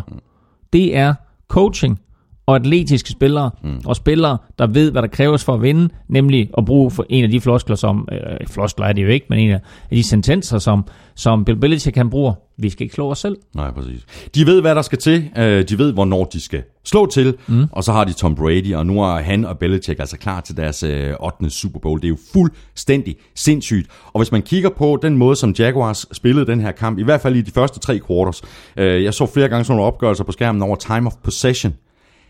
Det var jo helt fuldstændig vanvittigt, som Jaguars de dominerede den her kamp, og jeg, jeg sad med en af mine, mine gode venner og, og, og, og så den her kamp, og så det må bekymre Jaguars ved pausen. De har domineret første halvleg fuldstændig, og så går de kun til pause med 14-10. Og øh, grunden til, at de kun går til pause med 14-10, det er jo en fejl, de begår. Mm. Ikke en penalty. Jo, det er faktisk en penalty, fordi det er jo en delay of game, hvor de efter en timeout har det perfekte kald på plads. Blake Bortles completer kastet til en første down. Angrebsserien kan fortsætte i Patriots territorie, bortset fra, at de har lavet delay of game. Efter en timeout. Hvis det, hvis det pass får lov til at være complete, så kører, Pat- øh, så kører Jaguars resten af tiden af klokken i første halvleg, og så slutter det enten med et field goal eller et touchdown. Mm. Og så er de altså foran enten 17-3 eller 21-3, og som jeg sagde til de drenge, jeg sad sammen med, 21-3, mm, det er meget sjovt, det stod der i sidste års Super Bowl. Ja. Um, vel at mærke til Falcons. Men i stedet for, så bliver de tvunget til at ponde. Og øh, der bruger Tom Brady 1 minut og 7 sekunder på at score. På de 1 minut og 7 sekunder, der øh, får Patriots også foræret 50 yards i penalties. Foræret og foræret. Den ene, det der late hit, eller ikke late hit, men, men ulovlig hit på Gronkowski, Ja, helmet der sender, helmet. sender ham ud af kampen, Ja. ja. er en 15 yards straf. Og så er der den pass interference ned langs sidelinjen mod øh, AJ Bowie. Øh, er det pass interference? Det er dømt. Øh, jeg sad, sammen med, jeg sad blandt andet sammen med Alexander Litau, der er i mm. dansk amerikansk footballs Hall of Fame, og en af de øh, bedste safeties, vi har set i det her land. Øh, han kiggede på mig og sagde, der er ikke pass interference. Han er trods alt defensive back. Ja. Så han, han, han mente ikke nødvendigvis, at der var pass interference. Jeg synes, at du kan kalde den pass interference, eller du kan lade være med at kalde den. Jeg tror, hvis jeg havde været dommer, så havde jeg være med at kalde den, fordi det her Jaguars mandskab, det faktisk er rigtig, rigtig solidt i de bagerste rækker, og, og, og måske bare er fysisk overlegne i forhold til mange Ja, af de spillere, de ja. står for, og derfor så kan sådan noget komme til at ligne pass interference. Jeg synes ikke nødvendigvis, den var der. Nu er den kaldt. Det må, Altså, altså, det, må, det, må, det må de tage med. Ja. Der bliver scoret. Der er 55 sekunder tilbage. Og det er jo her, hvor der er mange, der stiller spørgsmålstegn ved Jaguars beslutning om, med 55 sekunder tilbage, bolden på egen 25-linje og to timeouts. Christian Norbæk øh, spørger på Twitter, Sebastian Lyt øh, spørger på Twitter, om det ikke var en fejl, at de ikke, øh, at de ikke gik efter noget. De havde to timeouts tilbage, og 55 sekunder at gøre godt med. Og de tager dybest set, hvad tager de knæet, ikke? To siger- gange. Ja, to gange. Ja, godt, vi, vi, vi Ja, ja. skal bare til pausen nu. Ja, ja. Og man kan sige, øh, det jeg har læst mig til øh, i Jacksonville-aviser, det er, at Jaguars ikke ville risikere, at Patriots fik bolden igen, hvis de gik tre og ud der, Mm. og skulle ponde, og Patriots så fik bolden igen, øh, og måske endda sætte yderligere point på tavlen, det ville de ikke risikere. Så ville de hellere spille konservativt, og tage knæ to gange og gå til pause. Men hvis du ser på det, så er der ikke ret mange hold, der har spillet konservativt mod Patriots og vundet. Den her første halvleg, der dominerede Jaguars øh, på den offensive linje. Deres offensiv linje havde fuldstændig styr på Patriots defensiv. Når Fournette løb bolden, eller TJ Yeldon løb bolden, så var der gode yards i det. Øh, Blake Bortles havde tid til at kaste, og ramte receiver på krydsningsruter, ramte receiver på outs. Mm. Øh, alt fungerede mere eller mindre for Jaguars i den her første halvleg. Med 55 sekunder, og et angreb, der har spillet, og du har to timeouts, hvorfor ikke give det chancen? Mm. Hvorfor ikke som faktisk, jeg tror det var i sidste uge, vi talte om det. Der var et spørgsmål omkring, hvorfor man tit ser folk tage øh, et knæ. Øh, hvorfor ikke køre en screen, eller køre en draw, eller køre et andet spil, du er sådan rimelig sikker på, og så se, hvad kan det her give? Mm. Kan, vi, kan vi bryde en tackling? Kan vi få 15 yards lige pludselig? Og så sige, okay, Altså, nu kan vi gå efter Nu ikke? kan vi gå efter ja. øh, men, øh, men de valgte at spille konservativt, og øh, hvis du ser på det momentum, de havde efter første halvleg, som selvfølgelig slutter skidt for dem i og med, at Patriots de, øh, skruer en angrebsserie sammen, der giver touchdown, deres første touchdown i kampen jo. Øh, så, så, så, så tænker jeg lidt, at de havde så meget, de havde så meget at vinde ved at forsøge i de her 55 sekunder. De havde nærmest ingenting at tabe, fordi der var ikke nogen, der forventede, at de tog til New England og vandt. Så hvorfor ikke forsøge på de her 55 sekunder? Og ikke nødvendigvis lave et dødstød, men bare lige markere, hallo, mm. vi er her. Mm. Vi er ikke bange for jer, og vi tror på, at vi kan flytte bolden, vi tror på, at vi kan vinde den her kamp, og nu forsøger vi at gå hjælpe med at score på jer inden pausen. Fordi det der jo tit er med Patriots, det er den måde, de spiller fodbold på. Det er Belichick går efter at have bolden sidst. Han går efter at have bolden sidst i første halvleg, og han går efter at have bolden sidst i anden halvleg. Og det udmyndter sig altså ret ofte i point. Og det gjorde det sådan set også til dem her, fordi man kan sige, at de havde bolden sidst, at der så er 55 sekunder tilbage, da de scorer. Øh, det er så rimelig lang tid, men altså Jaguars får så bolden og tager to knæ, så Patriots havde i realiteten bolden sidst.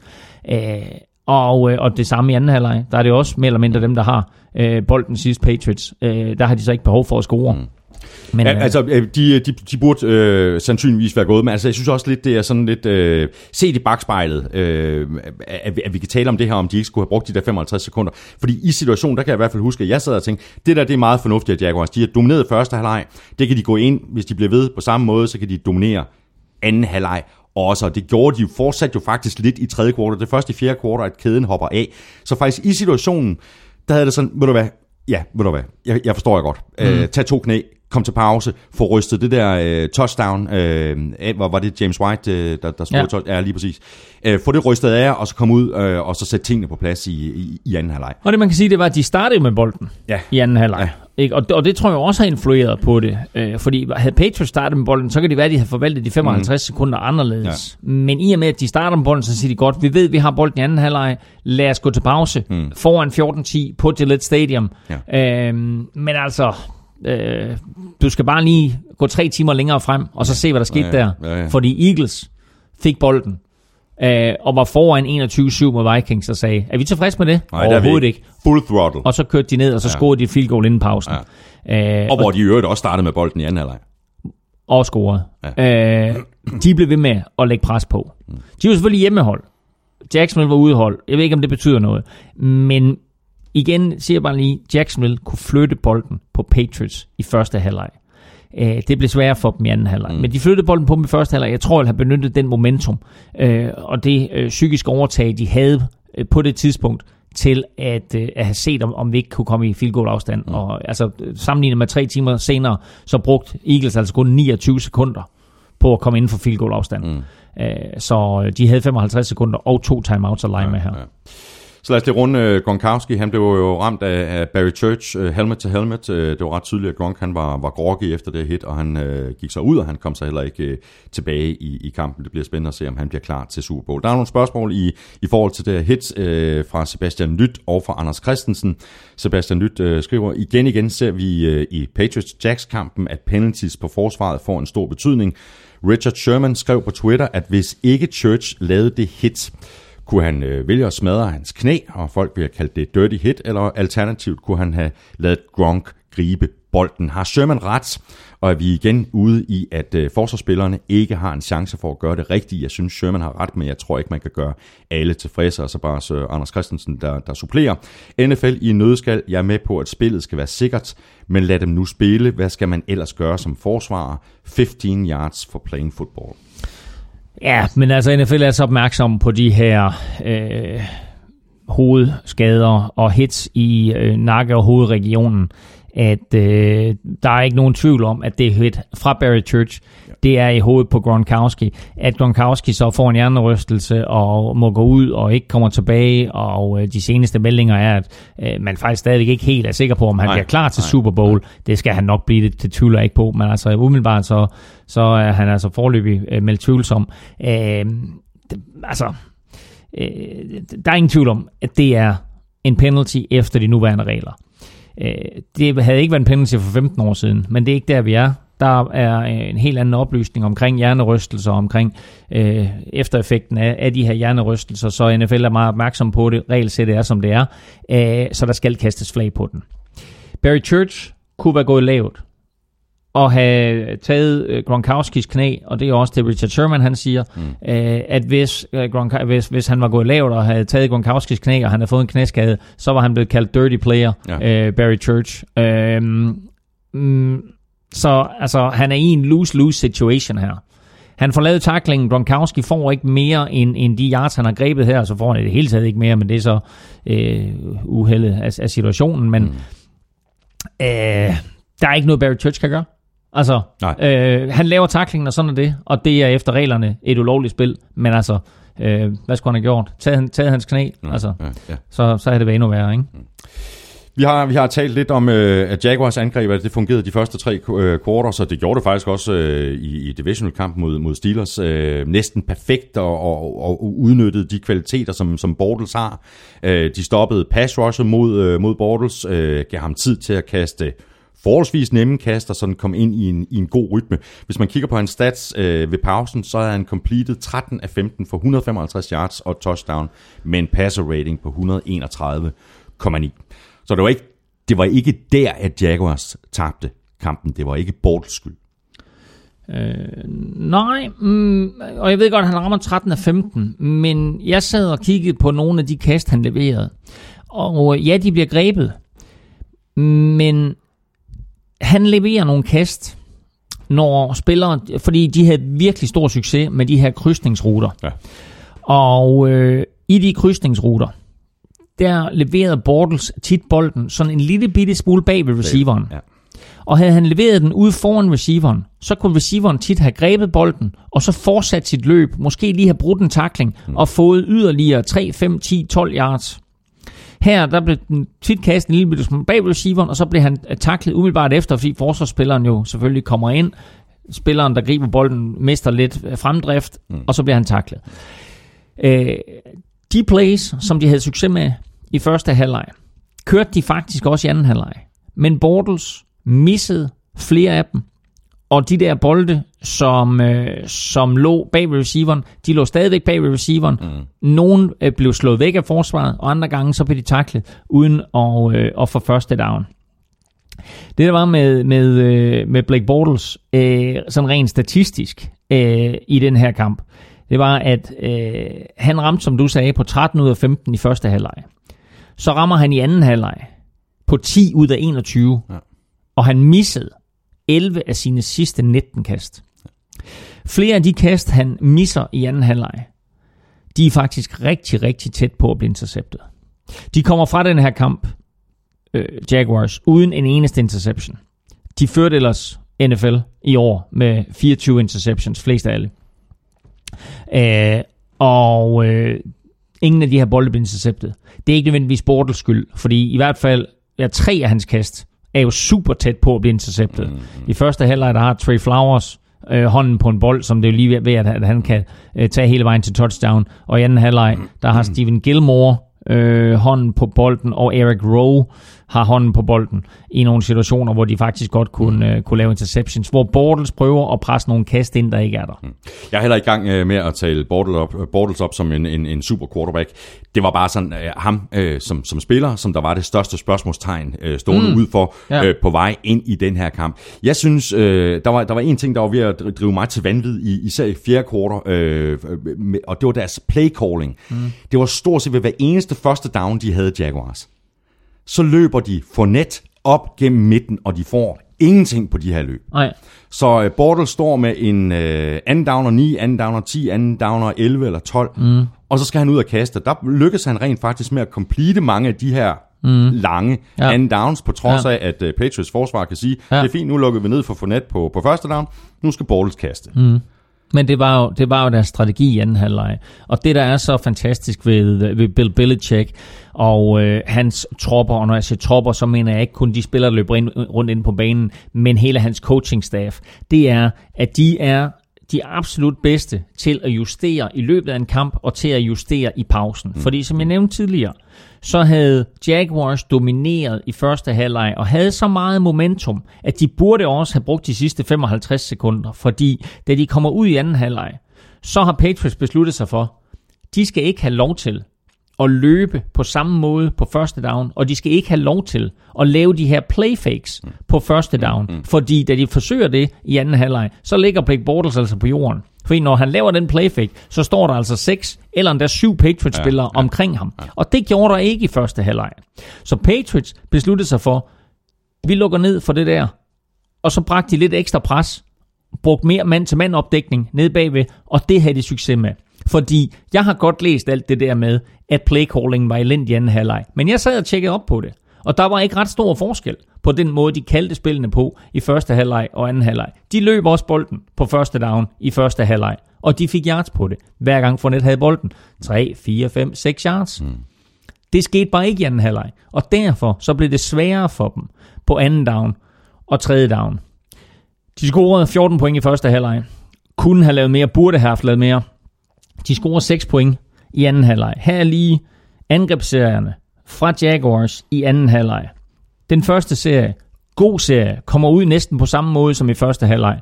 9 plays, 39 yards, field goal. Anden serie, 3 plays, minus 2 yards.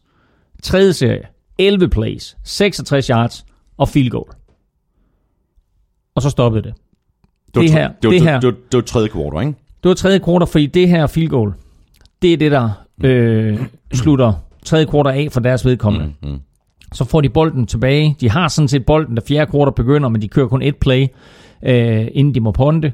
3 plays, 9 yards, 5 yards, 2, 5 plays, 22 yards, 3 plays, minus 1 yards, minus 1 yard, 6 plays, 32 yards. Det var, det var, det var de, øh, det var de angrebsserier, de havde i fjerde kvartal. Ja, tre punts og så en turnover on downs til, til sidst. Præcis. Øh, og øh, der var nogle ting for Bortles, som kunne have været bedre. De kunne måske også have varieret deres playkald, og, og, og de kunne have lavet justeringer. Mm. Men det var de justeringer, som Patriots lavede, der afgjorde den her kamp. Jeg synes ikke nødvendigvis, at playcallingen fra Jaguars var meget anderledes i anden halvleg, end den var i første halvleg. Men det skulle den måske have været. Ja.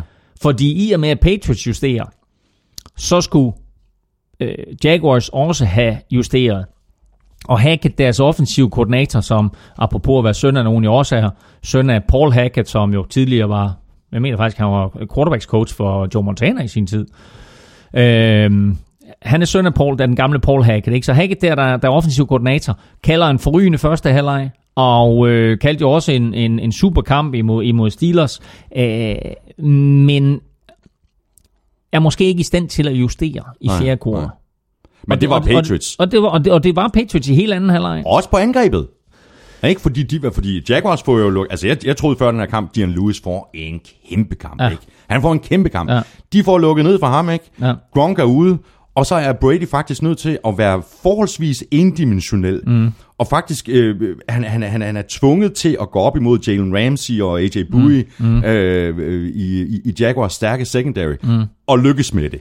Altså hans stats i, i fjerde kvartal, han kastede for 138 yards og to touchdowns. Mm. Det er jo Ja, imod, det er mod, mod, det NFL bedste, ja. NFL's bedste forsvar. Ja. Og det er også, altså det, det, det vidner bare om, om Bradys styrke, og det vidner også om øh, mental styrke hos det her Patriots-mandskab, fordi det er jo, det er jo begge, en, faktisk alle tre enheder, der er med til at bidrage til den her sejr her. Fordi angrebet begynder pludselig at flytte bolden. Forsvaret lukker ned, og da de har allermest behov for det, så laver Amendola et godt punt return. Øh, Så alle enheder er med til at bidrage til den her sejr. Øhm, Og et fantastisk touchdown hos Amendola. Vi bliver nødt til at tale om ham. Vi burde måske have nomineret ham. Vi, vi havde ham på, på bloggen. Det, og... det, altså, jeg, jeg, nu ved jeg ikke, om der er nogen, der har brokket sig over, at han ikke er nomineret. Det er min skyld, fordi du, du sendte mig nogle navne, og øh, jeg sorterede Amendola fra, og det var faktisk inden, at jeg, det her det var tidligt mandag, Mm. Og jeg var øh, lige stået op, og jeg var jo stadigvæk grædefærdig. øh, og så skrev jeg til dig, øh, fordi jeg følte os øh, så øh, trumlet over af Eagles, at jeg sådan set sendte dig Alshon Jeffrey i stedet for Daniel Amendola. Ja. Øh, men efter at have set Amendolas højdepunkter for den her kamp, Helt vildt. et, at han scorer to touchdowns. To, at han completer et kast. Tre, at det er ham, der laver øh, det punt return, som sætter det hele i gang. Det burde have nomineret ham til ugens spiller. Så nu kan vi se, nu bliver han sådan en, en øh, æreskandidat på en eller anden måde. Som og så måske- det, og så det der lækre touchdown, ikke? Med, med, med, altså, Med det er begge- bare, ja. med, med begge tåspidser, ikke? I, Præcis. I bunden af endzone. Jo, jo, men altså, han var, han var en kæmpe spiller, og især til betragtning af, at, at Gronkowski var ude. Øh, men der viste Brady også bare, fordi det interessante, det var jo, at, at, at Patriots jo på et tidspunkt kaldte tre spil i træk til Gronkowski. Mm. Øh, så det viser, hvor stor en del af det her angreb han er, og hvor meget de følte, at han var forskellen på de to hold. At det her, det var spilleren, mm. som Jaguars havde svært ved at gøre noget ved, men han fik jo altså ganske lidt ud af det, inden han måtte gå ud. Han havde selvfølgelig et par plays, Gronkowski, og, og, og, og Brady leverede et par, par guldbolde til ham, men ellers så synes jeg faktisk, at øh, Jalen Ramsey og Barry Church og, og Sean Gibson var også på ham, havde godt styr på ham. Mm.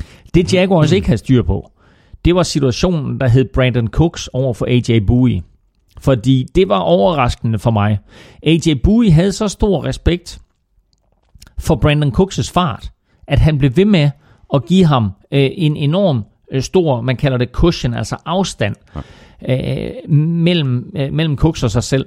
Øh, og det betød bare, at Cooks i stedet for at gå dybt, jamen så øh, lavede han outs øh, på en 12 yards, eller comebacks på en 12-14 yards, mm. og Brady fandt ham hele tiden.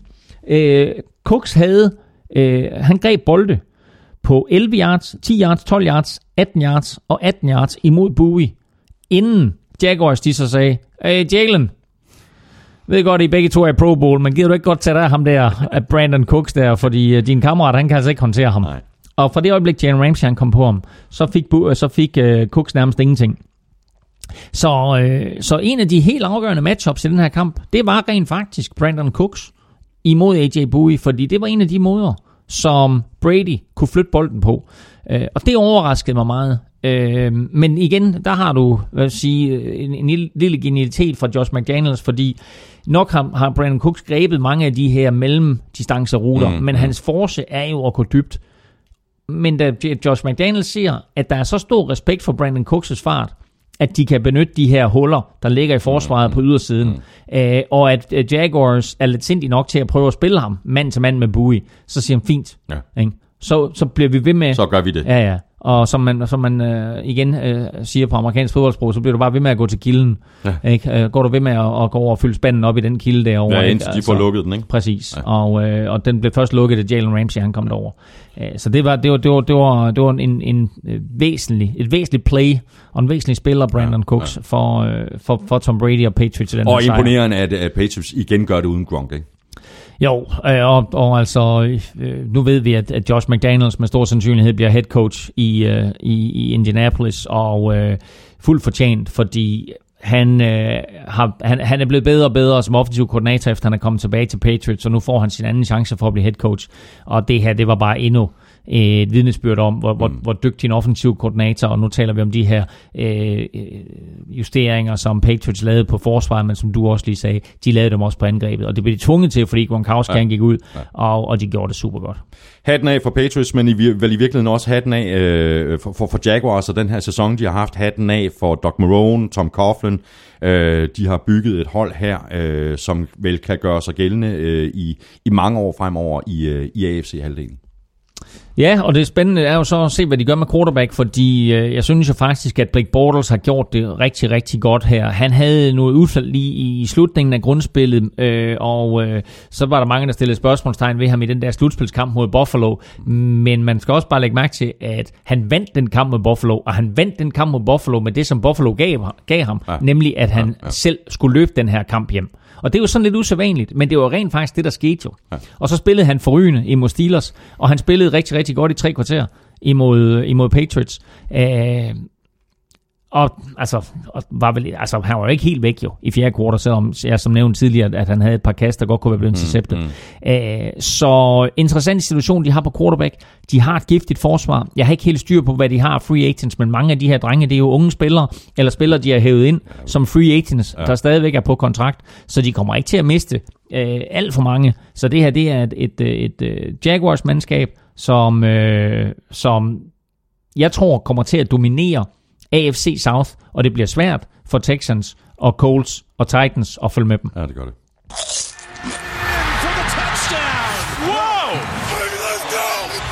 Ugen spiller præsenteres af Tafel.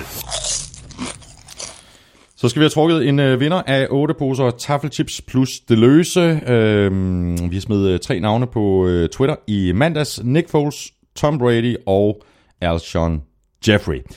Jeffrey fik øh, 5% af stemmerne, Brady fik 32%. Folk er tosset med Nick Foles, i hvert fald efter den her kamp. Han fik øh, 63% af stemmerne. Jeg skal bede om, øh, om den, øh, den lækre sæk. Sådan der. Og det er jo ikke, men det er jo sækken. Det er sækken. Det er Fordi du er jo øh, Claus Elming, lykkens gud ind. Det er rigtigt. Jeg er Claus Elming. Ly- lykken skulle ind. Jeg har trukket et navn, og øh, jeg ved ikke, hvem Nicky Franchise er. Men øh, det er i hvert fald ham, der står her. Må ikke, det er en Eagles-fan, der har skrevet den der? Nå, jeg er bange for det. Erik Fredgaard fra Højbjerg. Han bor simpelthen lige rundt om hjørnet fra min bror, kan jeg se. Så, øh, Så ved du jo nøjagtigt, hvordan man taler der. jeg tager hen til ham og så afleverer dem selv, og så kan han få et slag i ansigtet samtidig. Stort tillykke til dig, øh, Erik øh, Fredgaard. Øh, Jeg sørger for, at øh, MVP'en på tafel, Christina, hun får sendt øh, en kasse afsted til dig, og så gør vi det igen næste uge. Og vi finder på et eller andet, øh, Claus. Øh, der er jo ikke nogen kampe, så det bliver noget andet, som, øh, som folk skal stemme om. Men vi vil lægge et eller andet op på Twitter, og så stemmer du på, øh, på det, du ønsker at stemme på, på mailsnabla.nflshow.dk ved at skrive dit bud i emnelinjen. Jamen, og kunne lave i, en MVP-afstemning, kunne vi ikke det? det kunne vi jo for eksempel. Ja, ja. Jamen, vi finder på et eller andet Ja, ja, godt. Og så i øh, selve mailen, der skriver du dit øh, navn og adresse, øh, og så er du altså med i lodtrækningen om 8 poser chips fra Tafel. Claus, jeg ved det. Claus, jeg ved det. Jamen, ved du hvad, og, og jeg er bare lige lidt ked af, at vi har gjort Jaguars færdig, fordi der er lige to ting, jeg vil sige omkring den kamp her. Det skal du ikke være ked af. Vi Nej. har masser af tid. Øhm, et. Patriots kommer tilbage, de vinder 24-20, men lad os lige lægge mærke til, at øh, Miles Jack fremtvinger en helt fantastisk turnover. Kampens eneste, hvor han river bolden ud af hænderne på Dian Lewis, ruller rundt og får kontrol, mm. og begynder at løbe ned ad banen. Den fløjter dommerne af. Der er ingen Patriots-spiller i nærheden af Miles Jack. Nej, er, der, er, der er grønt græs hele vejen. Hvis han løber den der til touchdown, så står det altså, øh, hvad står der, så står det 24, nej det står, jo 24, nej det står, øh, det står, øh, har det, hvad det står der på det 20 10, men det står, 7, det står 27-10, hvis han scorer på den der. 27-10. De får en turnover, så går de tre ud og ponder, og så scorer Patriots på næste angrebsserie. Fordi hvis han scorer på den, hvis dommeren ikke fløjter den af, så er de får en 27-10. Det var en meget, meget afgørende situation, og alt det der med, om, om dommerne tildelt for få eller for mange straffe til nogle af holdene, det er ligegyldigt. Den fejl, dommerne begår, det er den der. Mm. Og det var jo et på, øh, og den her turnover var jo et på, på det her helt forrygende trick play, øh, Ja, ja. som, som, som, øh, Det var sådan, som Patriots fyrede af. Lige nok. Det er sådan en double pass, hvor kastet ud til Amendola, Amendola kaster tilbage til Dian Lewis, og Dian Lewis har tre mand til at blokere for sig. Øh, og øh, den ene af de der offensive linemen hedder Shaq Mason, han skal blokere, og han misser Miles Jack. Miles Jack kommer ind, river bolden fri, og har bolden, og løber ned sidelinjen, og dommerne fløjter den af, fordi de tror, at Dian Lewis er nede. Når man sætter den igennem efterfølgende, Dian Lewis er ikke nede, bolden er fri, Miles Jack er ikke rørt. Han kunne have scoret der 27-10. Ja, præcis. Så, så var det her comeback ikke sket. Hvorfor? Og så er der sikkert mange, der sidder og tænker, hvorfor i alverden? Fordi det er jo ikke første gang, man har set det her. Mm. Vel? At Der, er et, øh, der er et spil, der er blevet fløjtet af, som ikke burde være blevet fløjtet af. Hvorfor lader de ikke bare spillet fortsætte? Og så siger vi, godt, okay, nu løb du ud over sidelinjen, nu blev du taklet, eller nu løb du i endzone. Godt, så fløjter vi spillet af, og lad os så kigge det igennem. Lad os se, hvad der virkelig skete. Ja, og, og, og det burde man også, og det er også derfor, at dommerne de får at vide, at de må ikke løbe rundt med fløjter i munden, fordi at de har dem altid hængende om halsen, hvis du ser, det, du ser aldrig en dommer med en fløjte i munden, for så er det nemt at komme, lige komme til at fløjte. Så dommeren skal aktivt tage fløjten fra brystkassen op i munden og fløjten af. Uh, men altså, uh, igen, det her det går stærkt, og de vil undgå, at der er nogen, der kommer til skade, så de får den fløjte af for tidligt. Uh, det var, det var en, en, en katastrofe, det der, for, uh, for, for, for Jaguars. Så er du ikke, du havde to ting? Jo, men den anden ting, det var, at, øh, at øh, på deres, øh, deres sidste angrebsserie, øh, hvor, øh, hvor, de, øh, hvor, hvor Bortles han kaster den her bold til, øh, til en receiver, og så kommer øh, Stefan Gilmore ind og slår bolden væk. Mm. Øh, der har de jo faktisk, øh, der står de faktisk med første down på øh, 38-yard-linjen. Og øh, så ender Bortles med at tage et sack på et af de der spil der, og så kommer det til at hedde første down og, eller anden down og 15-agtigt. Havde de, nu er det jo mærkeligt at sige, du ved, men havde de været lidt mere konservative og måske brugt det, den filosofi, de har haft resten af kampen, så kunne de måske have stået med en tredje down og 3 i stedet for med mm, en, en tredje down og 15. Øh, og så havde de haft chance for at fortsætte den her angrebsserie. Men det hele bliver ender med, at Stefan Gilmore han slår bolden ned. Og vi har været så meget efter Stefan Gilmore, men man skal bare sige, at han er kommet rigtig skarpt efter det i den sidste halvdel af sæsonen. Han spillede en forrygende første slutspilskamp for Patriots, og Stefan Gilmore havde to kæmpe plays ja, ja. i den her kamp.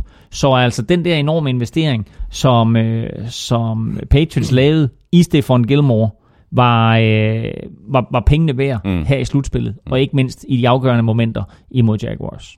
Jeg kan godt øh, fornemme, Claus, at du øh, har rigtig meget lyst til at blive ved med at snakke om den her øh, Patriots Jaguars kamp. Hvis vi kan skubbe det der Eagles Vikings så langt frem som overhovedet muligt, så, øh, så er du glad. Ja. Ja, og så lige en, øh, en, en, en sidste ting, jeg har her, og det er, at øh, NFL jo har været så frygtelig, frygtelig skræmt over alle de ting, der er sket i sæsonen, og beskylder jo Colin Kaepernick for, at øh, seertallene er gået ned, og øh, alle mulige andre ting for, at, at seertallene er gået ned, og de kan slet ikke forstå det. De har ikke forstået endnu, at de er en del af en tv-revolution, hvor ja. folk bare ser fjernsyn på en på anden, anden måde. måde. Ja. Men den her kamp mellem Patriots og Jaguars, den blev set af 44 millioner seere. 27 procent af alle amerikanske hjem så den her kamp. Det er det mest sete tv-program i USA siden Super Bowl 51. Sådan der.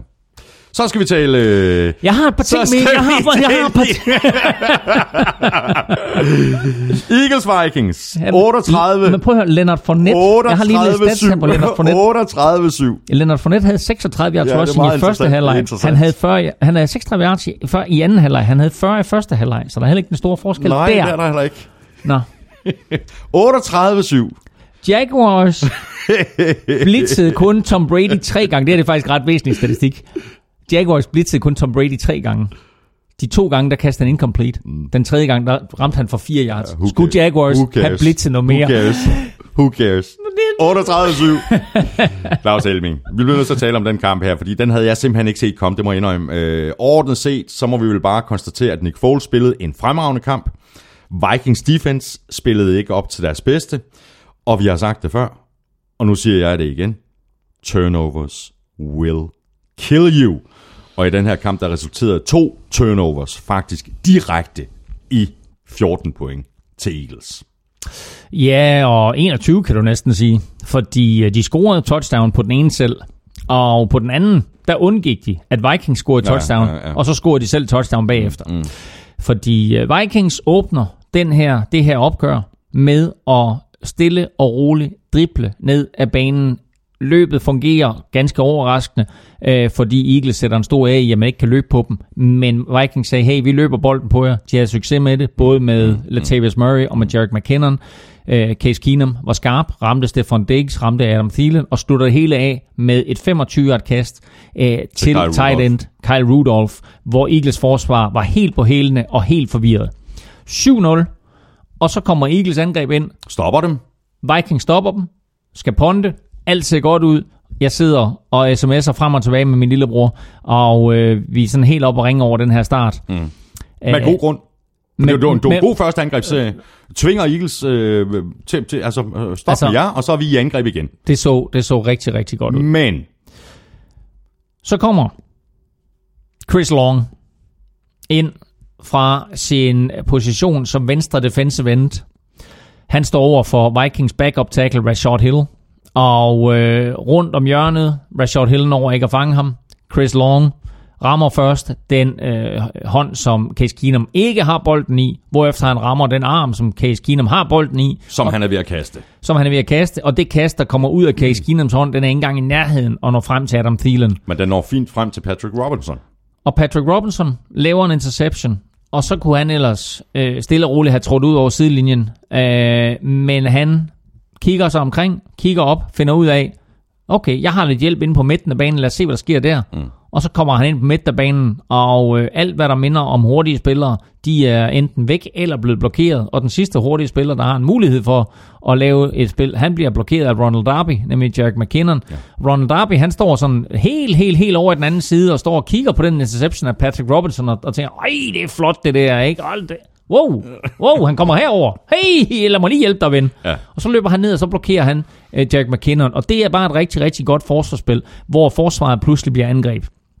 Og så løber Patrick Robinson den hele vejen ind til, til touchdown. Patrick Robinson førte Eagles i interceptions i år, men havde øh, ikke scoret. Der er i øvrigt ikke scoret. Jeg tror ikke, Eagles har scoret på en interception i år. Mm. Øh, så det her, det var deres første. Og, Nå, hvilket, og Vikings havde ikke tilladt et, et defensivt touchdown hele sæsonen. Vikings havde ikke tilladt et defensivt touchdown. Nice hverken, timing. Hverken på fumble eller interception. Nice timing. Som det eneste hold i øvrigt i ja, NFL. Ja.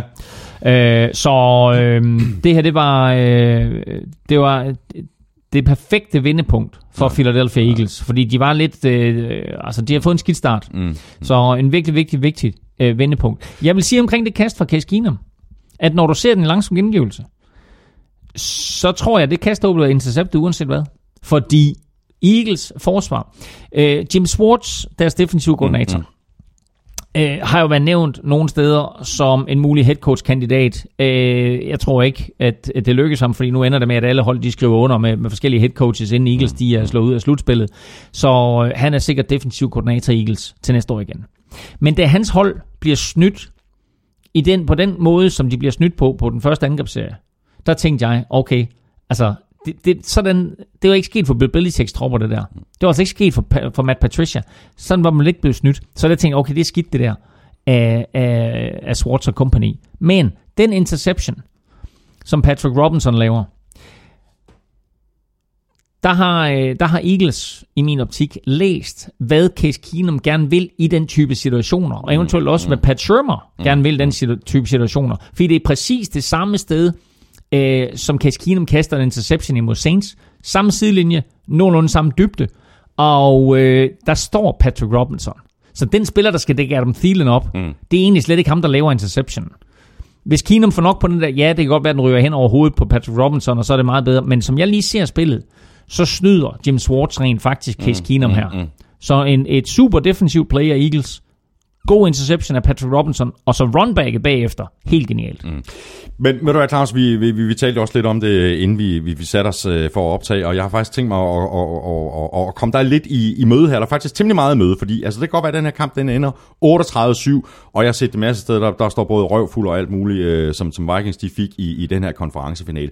Men det er jo ganske få spil, der i virkeligheden kommer til og betyde, at sejren bliver så stor. Nu har vi den her interception, men jeg synes faktisk, der er et spil, der er endnu mere vigtigt. Der står, 7, eller der står 14-7 til Eagles med 3 minutter tilbage af andet kvartal. Mm. Vikings er i angreb, og så har du, hvad er det, Derek Barnett, der kommer ind, laver strip sack, der så får, fører til, at Eagles kan marchere den modsatte vej og komme foran med 21-7, i stedet for at Vikings havde reduceret til minimum 10-14, eller måske mm. endda udlignet til 14-14. Og som du også nævnte uh, lidt tidligere, jamen så har du altså, så får, får Vikings chancen igen. De må ponte, og så har uh, Eagles uh, ganske få sekund, sekunder at gøre godt med, at de bruger et halvt minut på at komme i, i scoringsafstand, og så uh, scorer, de, uh, scorer de et field goal. Du springer, så, du springer, du springer, du springer. Nå, men det er bare altså- lige for, det er bare lige det er for dejligt, at, at, opsummere, ja. jeg opsummerer de sidste tre minutter af andet kvartal, som er totalt afgørende for, hvorfor den her kamp, den ender med den her kæmpe forskel i scoren 38-7. Jeg sidder og siger til drengene derhjemme, og til Jesper for den sags skyld, min bror over telefonen, et touchdown her. Fordi efter, efter den interception, der var det ligesom om, der var det, der var det Eagles, der dominerede kampen. Og øh, der, følte, der følte man lidt, at Vikings var på hælene. Så kommer de ned inden for scoringsafstand, og så, så siger jeg ligesom øh, ud i lokalet, et touchdown nu vil bare være rigtig, rigtig rart. Så kan vi gå til pause 14-14, og så er vi ligesom nulstillet. Øh, Troy Aikman, mener jeg er kommentator på det, øh, og han siger noget ala, øh, det er nu Eagles skal hive et stort defensivt spil op af hatten. Mm. Øh, så siger jeg, jeg tænker, hold kæft, hvor er det latterligt kommenteret. Ja, selvfølgelig, det er logik for burhøns. Men så gør de det, kunne hjælpe med. Øh, og den spiller, der gør det, Derek Barnett, hvor har Eagles ham fra? Mm. Ved du det? Der, er han tidligere Vikings-spiller? Nej, Nå. han er rookie. Og han er draftet med det draft pick, som Eagles fik, Det er rigtigt. Det er fik rigtigt, for det er Sam. Bradford. Ja, ja, det er rigtigt, det er rigtigt. Så den trade, som Vikings indgik for ja. Sam Bradford inden, inden sidste sæson, efter Teddy Bridgewater skade, det pick valgte Eagles Derek Barnett med i år. Og jeg kan huske, at vi lavede vores draft podcast, der sagde jeg, jeg forstår ikke det draft pick. Jeg synes ikke, jeg havde læst ret meget om Derek Barnett. Jeg synes ikke, han var en af de spillere, der var inde på min radar. Jeg må bare sige, han har været virkelig, virkelig god for Eagles i deres defensive rotation hele sæsonen. Og det her spil, det var øh, det største, selvfølgelig, i hans unge karriere.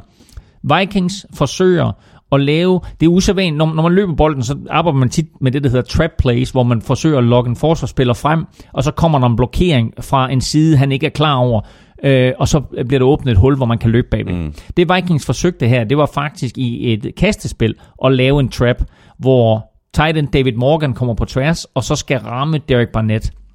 Men Derek Barnett er fuldstændig ligeglad med den trap, suser rundt om David Morgan, og Case Keenum tror jo, at han er sikker, fordi han, han er 100% sikker på, at David Morgan tager Derek Barnett. Case Keenum kigger jo ikke derover. Derek Barnett kommer ind, laver sack, slår bolden fri, og øh, det, jeg tror, ikke hjælpe, det er Chris Long, der får fat i den. Så øh, det, det var et kæmpe spil.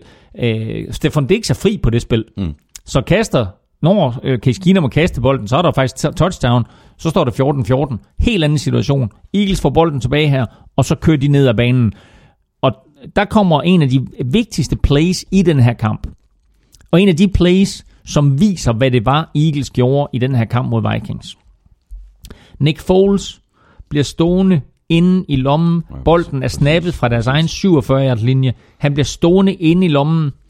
Der er en øh, offensiv linjespiller, der blokerer Everson Griffin og holder ham væk fra Nick Foles, der han er offensiv linjespiller, der øh, blokerer Daniel Hunter, holder ham væk fra Nick Foles, og Nick Foles bliver stående inde. Altså forestil dig at sætte ham ned i en olietønde, ikke? og så stiller du et hav af spillere rundt om den olietønde. Det er så lidt plads, han har. Ja, præcis. Men han står inde i den olietønde. Og så laver han lige et lille skridt til højre, et lille skridt til venstre. Det er sådan, Men det mest imponerende, det er, fordi hvis man står der, prøv, prøv at gå ud og tage en amerikansk fodbold i hånden, og så se, hvor langt du kan kaste den, når du har så lidt plads at bevæge dig på. Mm. At han får så meget power på det kast, det viser, hvor god en arm han har.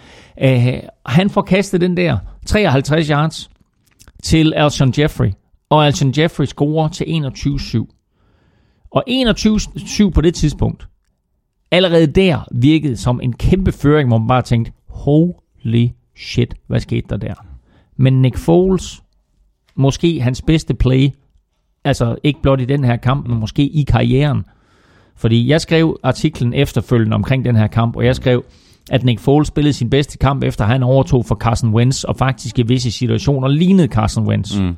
Jeg har så hørt andre amerikanske kommentatorer øh, og skribenter sige efterfølgende, det her det er Nick Foles' bedste karri- kamp i karrieren, mm, mm. og så bruge den samme. ja, og rent statmæssigt, 26 af 33 for 352 yards, tre touchdowns og ingen interceptions.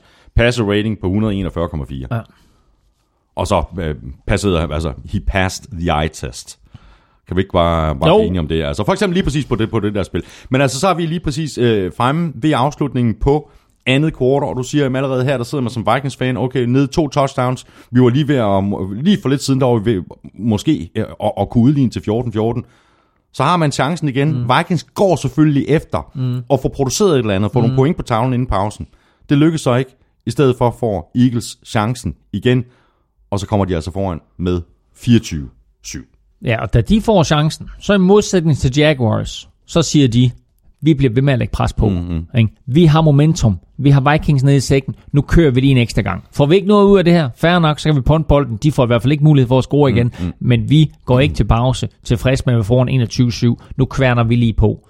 Og så når de kunne hjælpe med inden for field goal afstand. Og Jake Elliott, den her rookie, viser rookie kicker, viser endnu en gang, at han har øh, is i blodet, mm. øh, for han smækker den der op mellem stængerne. Super drive, super kort drive, 29 sekunder, smask, smask, smask, inden for field goal afstand, og Jake Elliott scorer, øh, og 24-7 ved pausen. Og der sad man altså, du ved, øh, med, øh, med det lille blod i årene, og man tænkte, Ja, det er der, lidt op ad bakke, der, også fordi Eagles starter der, med bolden. er lang vej hjem her. Og Eagles starter med bolden ja. i, i anden halvleg, og de scorer. Og så er der i hvert fald lang vej, ikke? Fordi så, så, så står der 31-7. Jo, og den måde, de kørte ned ad banen på, ja. var også bare øh, øh, let og elegant. Og øh, jeg skrev faktisk til min bror på et tidspunkt, øh, da, da Eagles blev ved med at flytte bolden. Jeg skrev, Dog pisser på Mike. Underforstået Doc Peterson. Mm head coach, men også øh, offensive coordinator, øh, offensive hjerne hos, øh, hos Eagles, pisser på Mike Zimmer, head coach og defensiv hjerne for, for Vikings. Mm. Øh, og det var rent faktisk det, der sker. Og jeg vil sige omkring Doc Peterson, at hvis det ikke på nuværende tidspunkt er afgjort, hvem der bliver coach of the year, og at alle har smidt øh, deres æg i Sean McVay-hatten, så er Doc Peterson en enorm kandidat ja, ja, til at blive, uh, head, ja. uh, til at blive uh, coach of the year. Ja, selvfølgelig er han det. Uh, og så var der måske mange, der sådan, uh, før den her kamp tænkte, og jeg tror også, vi talte om, altså, altså Foles, det, det, det, det svage kort uh, i den her kamp, uh, hvilket han så ikke uh, var. Og det var jo ikke fordi, at det var sådan livrem og seler, at der blev kaldt uh, fra, fra sidelinjen, fordi det var ikke sådan, at han, han bare blev bedt om at kaste kortekast. Uh, han gik uh, dybt ved flere lejligheder, også uh, jeg tror på den aller, aller første angrebsserie, hvor mm. han mhm. går dybt til, uh, Torrey til Torrey Smith som han lige akkurat ikke får fat i. Øh, derefter så er der de to touchdowns øh, til Alshon Jeffrey på 53 yards, og så 41 yarderen til øh, Torrey Smith. Og det var, da, det var da i hvert fald noget, der overraskede mig. At, ja, og, at, at, man øh, viste, at man havde den her tillid til, til Nick Foles, og sagde, at du spiller dig ud, ikke? og vi stoler på din arm. Jo, og, øh, og det touchdown til Torrey Smith, det var jo en flea flicker. Uh, og jeg kan ikke mindes at have set en uh, Conference Championship weekend, hvor tre, tre, hvor tre af de fire hold bruger en flea flicker. Og en flea flicker, det er altså et spil, hvor man giver bolden til running backen, som om det er et løb. Running backen krydser ikke line of scrimmage, men løber helt op, lige bag ved sin offensiv linje, vender sig om, kaster bolden tilbage til sin quarterback, og så er der en receiver, der løber ned ad banen, og så kaster quarterbacken den dybt. Og det play her, det var Torrey Smith over for Trey Waynes. Og tidligt i kampen, det play du nævnte, hvor, hvor han også kastede efter øh, øh, Torrey Smith, der var det også imod Trey Waynes. Og vi talte tidligt i sæsonen om, at Trey Waynes var et svagt punkt for Vikings. Han spillede sig op i løbet af sæsonen og har gjort det rigtig, rigtig godt. Men Eagles klare gameplan i den her, det var, lad os se, hvad Torrey Smith kan gøre over for Trey Waynes. Fordi Trey Waynes blev de ved med at gå efter igen og igen og igen. Og de blev ved med at gå efter ham dybt. Og på det play her, der bruger Torrey Smith i mine øjne en børnefinte, øh, og så twister den lige lidt og siger, at det er faktisk en finte, som jeg har lært mange af mine receiver at bruge. Øh, men du ved, du kommer op, og så lader du som om, hey, bolden kommer ikke i vores side, og du ved, vi skal sådan set bare, du ved, jeg blokerer dig, og så sker der ikke noget, og så er vi to ude at spille. Mm. Og det, der sker, det er, at Torrey, Torrey Smith kommer løbende op, tager fuldstændig farten af, og øh, kigger sig sådan lidt tilbage over skulderen. Og i det øjeblik, han kigger sig tilbage over skulderen, så laver Trey Waynes fejlen med, at han kigger ned på quarterbacken og running backen og ser, hvad der sker. Og i det øjeblik, han gør det, så sætter Torrey Smith turboen på. Mm. Og der står Trey Waynes på flade fødder, og så kaster Nick Foles bolden. Og en perfekt leveret bold ned i hjørnet af endzone, fordi Trey Waynes har snydt, men Harrison Smith kommer blæsende fra sin safety-position og har en øh, spinkel chance for at ødelægge det her spil, men bolden fra Nick Foles er perfekt ned i hænderne på Torrey Smith, der når at gribe den, og når lige at komme ind for den orange markør, inden Harrison Smith ankommer. Smith holder fast i bolden, altså Torrey Smith holder fast i bolden. Harrison Smith når ikke derover. Touchdown og endnu et dødstød fra Nick Foles og company. Mm. Markus Letten øh, spørger, øh, øh, hvordan formåede Eagles at få Nick Foles til at ligne en super quarterback, og få Vikings super forsvar til at ligne en flok levende kejler? Jeg har tænkt meget over det, og øh, jeg er kommet frem til... Øh, kommet frem til en, en, en ret interessant konklusion, øh, og det er, at øh, det her det har øh, ikke så meget med Foles at gøre, men det har noget med den offensive linje at gøre. Fordi den offensive linje var i stand til at holde Minnesota Vikings forsvar for fadet. De laver en sack i hele den kamp, og et af de her springende punkter, det var, var den venstre tackle, uh, Big V, uh, med et, uh, han hedder noget med Halipulafylla, og så Vaitai, han blev bare kaldt Big V af nemhedsårsager, var han i stand til at håndtere Everson Griffin. Uh, ret ofte Hedder kamp... han Polifylla? Altså, han, står, han, han kan stå Han på hedder, han kan hedder, det er, han hedder simpelthen Halipulafylla Vaitai. Øhm, hvad hedder det? Men han, øh, han var i mange situationer i løbet af kampen, der var han en mod en med Everson Griffin, og i andre situationer, der fik han hjælp af en tight end eller en running back. Øhm, og resten af linjen var i stand til at håndtere Vikings. Især var øh, højre tackle Lane Johnson helt suveræn. Øh, og hvis man ser på nogle af de kast, som Nick Foles, han, øh, øh, hvor, han, hvor han står inde i lommen, og han blev stående inde i lommen, mm. så kan man se, at den offensive linje giver ham tid. Og det, der er med det, det er, at Vikings linebackers og defensive backs er ikke vant til, at en quarterback har så lang tid. Så det, der skete gang på gang, det var, at Eagles receiver var i stand til at lave det, der hedder double moves. Mm. Det vil sige slant and goes, eller out and ups, eller hvad det nu måtte være. Og det snød Vikings gang på gang. Harrison Smith blev snydt, Trey Waynes blev snydt, øh, flere linebackerne blev snydt.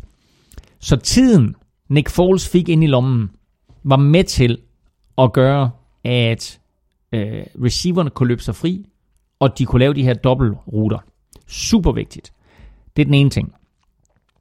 Den anden ting er, at øh, Vikings missede et hav af taklinger, som er ret ukarakteristisk for dem. Anthony Barr missede taklinger, Harrison Smith missede taklinger, der var flere andre, der missede taklinger. Øh, tidligt i kampen havde Everson Griffin muligheden for at stoppe, øh, var det Nelson Aguilar eller Ajayi på sådan en end around, øh, og, og misser ham, og så bliver det i stedet for et 13-14 yards løb. Helt de her små ting her, som er store ting, øh, var med til at afgøre det. Men den helt afgørende ting for mig, det var den tid, som Nick Foles fik ind i lommen til at kaste.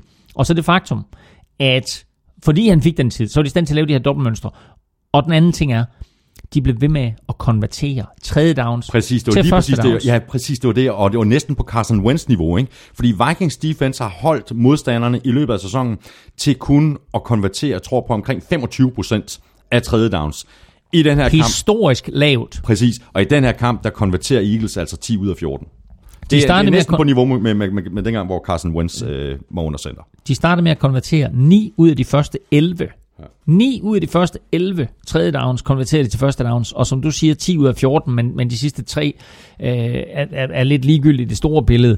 Det vigtige her, det var, at de blev ved med at konvertere tredje downs, blev ved med at få angrebsserier til at fortsætte, blev ved med at frustrere Vikings. Og igen må jeg bare tilskrive æren for det her til den offensive linje, der gav Nick Foles tid, og så Nick Foles, mm. der bare var helt suveræn og leverede nogle gode dybe bolde, men også nogle gode bolde i sådan en mellemdistance til ja. Zach Ertz og til nogle af running backsene. Og så den her ting med, at, at Vikings de mistede taklinger, fordi der var mange af de her plays på tredje down, de var faktisk to yards kort af tredje down. Mm. Men så mistede Vikings en takling, eller Zach Ertz fik lige kastet ja, sig frem ja. øh, over markeringen til første down. Ertz havde en kanonkamp. 8 grebne bolde for 93 yards. Og så får altså Foles, og du siger, han får tid til at kaste de her, de her bolde. Alshon Jeffrey, øh, 5 for 85, Torrey Smith, 5 for 69, Nelson Aguilar, 3 for 59. Tre spillere, der sådan mere eller mindre har været øh, usynlige på Eagles, øh, siden Carson Wentz blev skadet, fik altså mm. nøgleroller at spille i, øh, i den her kamp. Og så øh, må man bare sige, at, øh, at løbespillet med J.J. og Garrett Blunt øh, fungerede jo også. De havde et snit på øh, 3,7 yards, havde så nogle rigtig vigtige løb på nogle, øh, på nogle nøgletidspunkter, og det er, jo, det er jo det, det handler om. Det er det, der handler om, at lade Garrett Blunt øh, var brutal. Øh, løb et fremragende touchdown, hvor han øh, løb hen over Andrew Sandejo, øh, Viking safety, og øh, J.J. var god, både når han løb bolden, og når han øh, greb små screens. Så sikkert en tilføjelse, han har været. Mm. En tredje ting, der kan have influeret på, øh, på at, at øh, Eagles havde det så nemt imod Vikings, som, som det så ud som om de havde, det var, at øh, Andrew Sandejo, før nævnte, øh, udgik ret tidligt af kampen, og Xavier Rhodes, supercorneren, var skadet. Han var ikke inde på det her lange kast til 21-7. Øh, han, ville, han var jo ellers normalt øh, matchet op imod Alshon Jeffrey, så han skulle have været på Alshon Jeffrey. Mm. Men han var ikke inde på det her spil. Der sad han altså ude på sidelinjen og blev behandlet. Så øh, to øh, skader til et Vikings-mandskab, der ellers har været forskånet for de store skader på forsvaret i år, øh, betød også, at, at Eagles havde lidt nemmere. Jeg er så imponeret over det her Eagles hold. Øh, de er gået ind som, som underdogs nu, øh, både i divisional mm. og i, og i konferencefinalen. Øh, Ved du, hvem der er rigtig glad? Hvem der er rigtig glad? Det er, det er dem, der sælger hundemasker Nå, ja, og, og, og, og producerer hundemasker. Ja, ja, fordi som underdogs, så kom der, så startede Lane Johnson og, og Chris Long, så startede de sådan en trend med at have hundemasker mm, på mm, og sige, vi, vi er det. Og det er også derfor, du startede med at spille Who Let the Dogs Out. Uh, første hjemmekamp imod Falcons, øh, tager de de her øh, hundemasker på, så pludselig så bliver det en trend, så bliver de mere eller mindre udsolgt ja. til den her kamp mod Vikings, og Eagles øh, leverede faktisk hundemasker ud til, til masser af publikum også, og nu forlyder det, at, øh, at det her det bliver et stort hundemaskeshow om 14 dage, ja. når der er Super Bowl i Minnesota. Ja. Ja. Det er spændende at se, om de kan tage det, øh, det momentum, øh, som- som, de har øh, med i, i Super Bowl. Øh, men lad os lige runde øh, Vikings af, øh, Claus, øh, fordi jeg havde faktisk lidt en fornemmelse øh, af, at den måde, som Vikings de vandt over Saints på i, i divisional-opgøret i, i forrige weekend, ville bety- altså mere eller mindre det betyde, at nu var de simpelthen ustoppelige. At det, det var sådan nærmest sådan et signal om, okay, this is meant to be. Vikings kommer til at, at, at vinde det hele i år. Det var det der spil med Stefan Dix, der kom til at afgøre det hele. Tror du i virkeligheden måske, at det... Jeg ved godt, det er fuldstændig søgt. Men om det momentum nærmest er blevet for stort, at det nærmest var sådan... Vi er i gang med at skrive historie. Og, og de måske et eller andet sted, på grund af Foles og så videre, måske har de undervurderet øh, Eagles et eller andet sted, og vi har talt om det her. Det er de sidste minutter af, af anden halvleg, og de første minutter af, af, af af- de, de, de, de sidste minutter af første halvleg, og så de, de, de første minutter af anden halvleg, der i virkeligheden kommer til at afgøre den her kamp. Øh, jeg kunne godt forestille mig, selvom, øh, selvom det i, egentlig aldrig burde være tilfældet, men jeg kunne godt forestille mig, at de har undervurderet Nick Foles.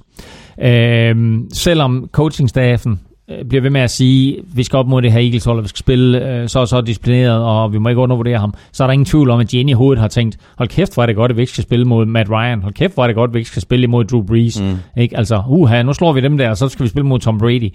Øh, det kunne jeg sagtens forestille mig, at de er undervurderet. Presse med at blive det første hold, der skulle spille en Super Bowl på hjemmebane. Øh, jeg presser måske et forkert ord at bruge, men hele den øh, hype, der har mm, været omkring det her, har måske også ja, faktisk udmyndtet sig i en eller anden form for pres. Mm. Nu skal vi bare vinde den her, så er vi det første hold, ja. Der skal spille Super Bowl på hjemmebane. Øh, Minnesota rundt omkring, altså i uh, Storcenter Mall of America, der er verdens næststørste mall, der uh, blev der inviteret til sådan en kæmpe skål chant, hvor, hvor uh, flere tusind uh, shopper stod på samme tid og råbte skål og klappede i hænderne. Ja. Uh, min gamle high school, Prior Lake, gik viralt med at lave en... en Jeg så det faktisk godt, en, hvor de øh, står og råber... Præcis, skål. Skål. Ikke? Ja. Øhm, og, øh, og Så der var... tvær, tværede Eagles øh, Vikings i, for, fordi de stod og råbte Foles Jamen, til sidst, på et tidspunkt, ikke? Til, ja, men altså, til Ja. sidst i kampen, der stod ja. de så og, og lavede den her øh, chant, der stod og klappe i hænderne, det her islandske jubelråb, ikke? hvor de så i stedet for skål råbte Foles. Øh, men, øh, men presset for at, at spille på hjemmebane i Super Bowl, tror jeg måske øh, kom til at, at, at betyde noget. Øh, Terrence Newman, den her erfarne cornerback for Vikings, kom jo ud helt ærligt efter kampen og sagde, øh, og, og, det, og det virker helt mærkeligt, øh, at han siger det, men han siger, det var ligesom om, Vik- øh, ligesom om Eagles havde mere energi, end vi havde. Mm. De havde mere energi på angrebet, de havde mere energi på forsvaret, og det var ligesom om, at de ville det mere. Mm. Øh, og det er vildt nok efter en NFC-finale at sige det. De bedste billeder, jeg så efter NFC-finalen, det var, og den historie i sig selv var jo, at Nick Foles og Case Keenum mm. og tidligere holdkammerater for Rams spillede der i 2015 sammen. Foles ind som starter, Case Keenum slår ham af sent i sæsonen. De to blev rigtig, rigtig gode venner og har holdt kontakten siden. Efter kampen, der gik Case Keenum over og med et stort smil på læberne, mm, mm. der gav han Nick Foles en kæmpe krammer og viskede ham et eller andet i øret, som vi selvfølgelig ikke kan høre, men et eller andet med, hey, der, øh, Godt du har du og fortjent det her. Ja, Bowl. og, og, og, han blev spurgt efterfølgende på preskonferencen, hvor han bare sagde, jamen, jeg sagde bare til ham, det her, det, det, det her, det kunne ikke ske for en, en, øh, en flinkere mand, og der er ikke nogen, der fortjener det mere, end du gør, øh, efter alt, hvad du har været igennem. Øh, Case Keenum har ikke løftet slør for, hvad det betyder, men han har været igennem Ja, en, en ja. hel del ting, du ved, og også det her med at være kastebold mellem forskellige klubber, og ikke få lov til at komme med til Los Angeles og så videre. Men man skal bare lige sige, at som vi også talte om tidligere, at det her med, at, de, at Eagles hiver Foles ind som backup quarterback, det var altså et af de vigtigste moves for den her organisation hele året. Det der jo skete var jo, at de havde jo Chase Daniel, som de har givet en eller anden fuldstændig latterlig kontrakt, øh, og ham kottede de. Og ved at kotte ham, det kostede dem altså omkring 5 millioner dollars. Du ved, her Chase, vi skal ikke have dig på holdet længere, men her er lige 35 millioner kroner. Ikke, du ved. Så hygter dig et eller andet sted med de der. Så de gav simpelthen Chase Daniel penge, og det stod selvfølgelig i kontrakten, men du ved, omkring 5 millioner dollars for at skride. Og så hiver de øh, Nick Foles ind. Og det er bare ganske interessant, at det var så vigtigt for dem at få Foles ind som backup quarterback. Giver ham øh, to år for 11 millioner dollars, øh, og man må sige, han har tjent hver en dollar allerede ja, ja, her i sin, første, mand. Ja, i, du i, i, sin, i sin første sæson. Skråstreg, hvad? Øh, fem kampe har han spillet nu, ikke? Ja. Fem og en halv. Har du mere til, øh, til den her kamp? Øh, Jamen, jeg har, jeg, har, jeg har desværre en, en, en, en masse, øh, men der er Du også... skal en ikke sige desværre.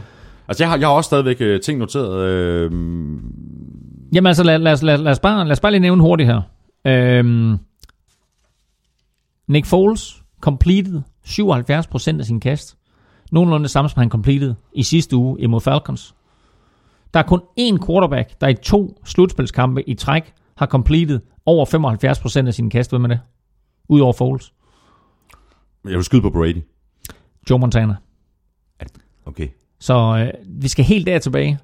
Så Hvor er det vildt, mand. Nick Foles er, er er nu i selskab med Joe Montana. Det er aldrig sket, at, og, og, og, og det er også, synes jeg, et, øh, et spørgsmål om, at, at Nick Foles selvfølgelig har spillet godt, men også, at hvis du ser på, at Nick Foles fik en elendig start imod Falcons mm, i forrige uge, mm. men coachingstaffen havde skruet en rigtig, rigtig god gameplan sammen for ham. Og det udmyndte sig i en knepen 15-10 sejr. Øh, men her igen mod Vikings, de har skruet en rigtig, rigtig god gameplan sammen for ham. Her, der beder de ham om lidt mere, end de gjorde imod Falcons. Øh, hver af vores anderledes. Der var selvfølgelig nogle, nogle andre faktorer, der Men, spillede men, ind. men, Claus, jeg tror- faktisk også, at vi begynder at undervurdere øh, Foles. I forhold til det, som vi talte om Foles tidligere på sæsonen, så spillede han et par dårlige kampe. Mm. Dengang, hvor han afløste Carson. Nej, jeg tror faktisk, den første kamp, hvor han afløste Carson kastede Wentz, touchdowns. Ja, der spillede han helt forrygende. Ja, og så havde han lige en, en down-periode, ja.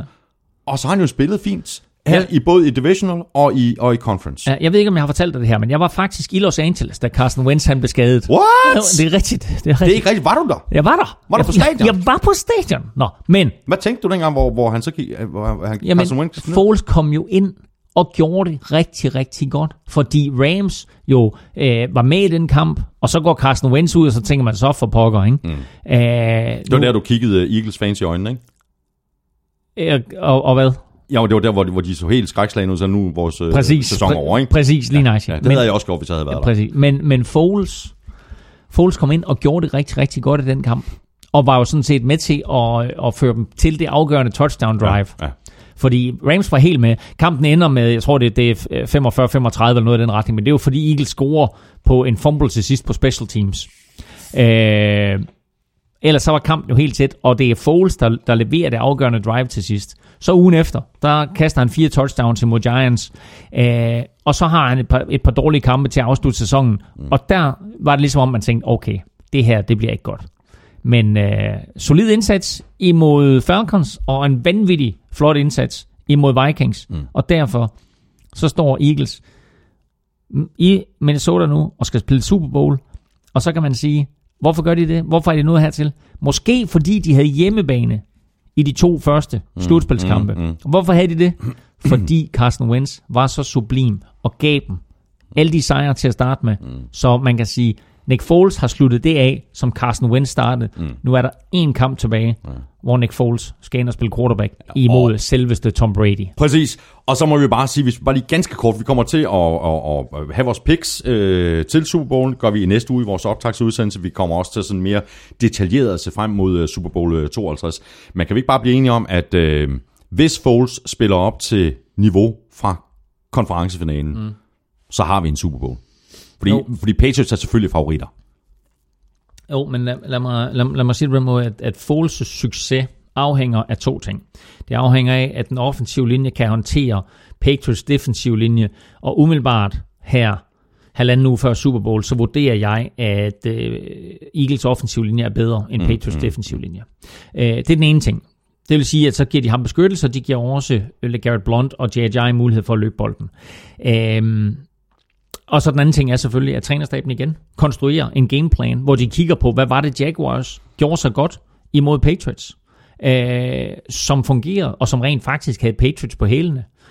Øh, Eagles har et rigtig, rigtig godt forsvar. det er nok ikke helt på niveau med Jaguars, men det er meget, meget tæt på. Mm, mm. Så øh, det her, øh, det her det bliver ganske interessant, og øh, odds vil helt sikkert flyve op og ned i den næste halvanden uge her. Lige nu, der er Patriots øh, store favoritter, og der er rigtig store favoritter, faktisk med, med 5,5 point.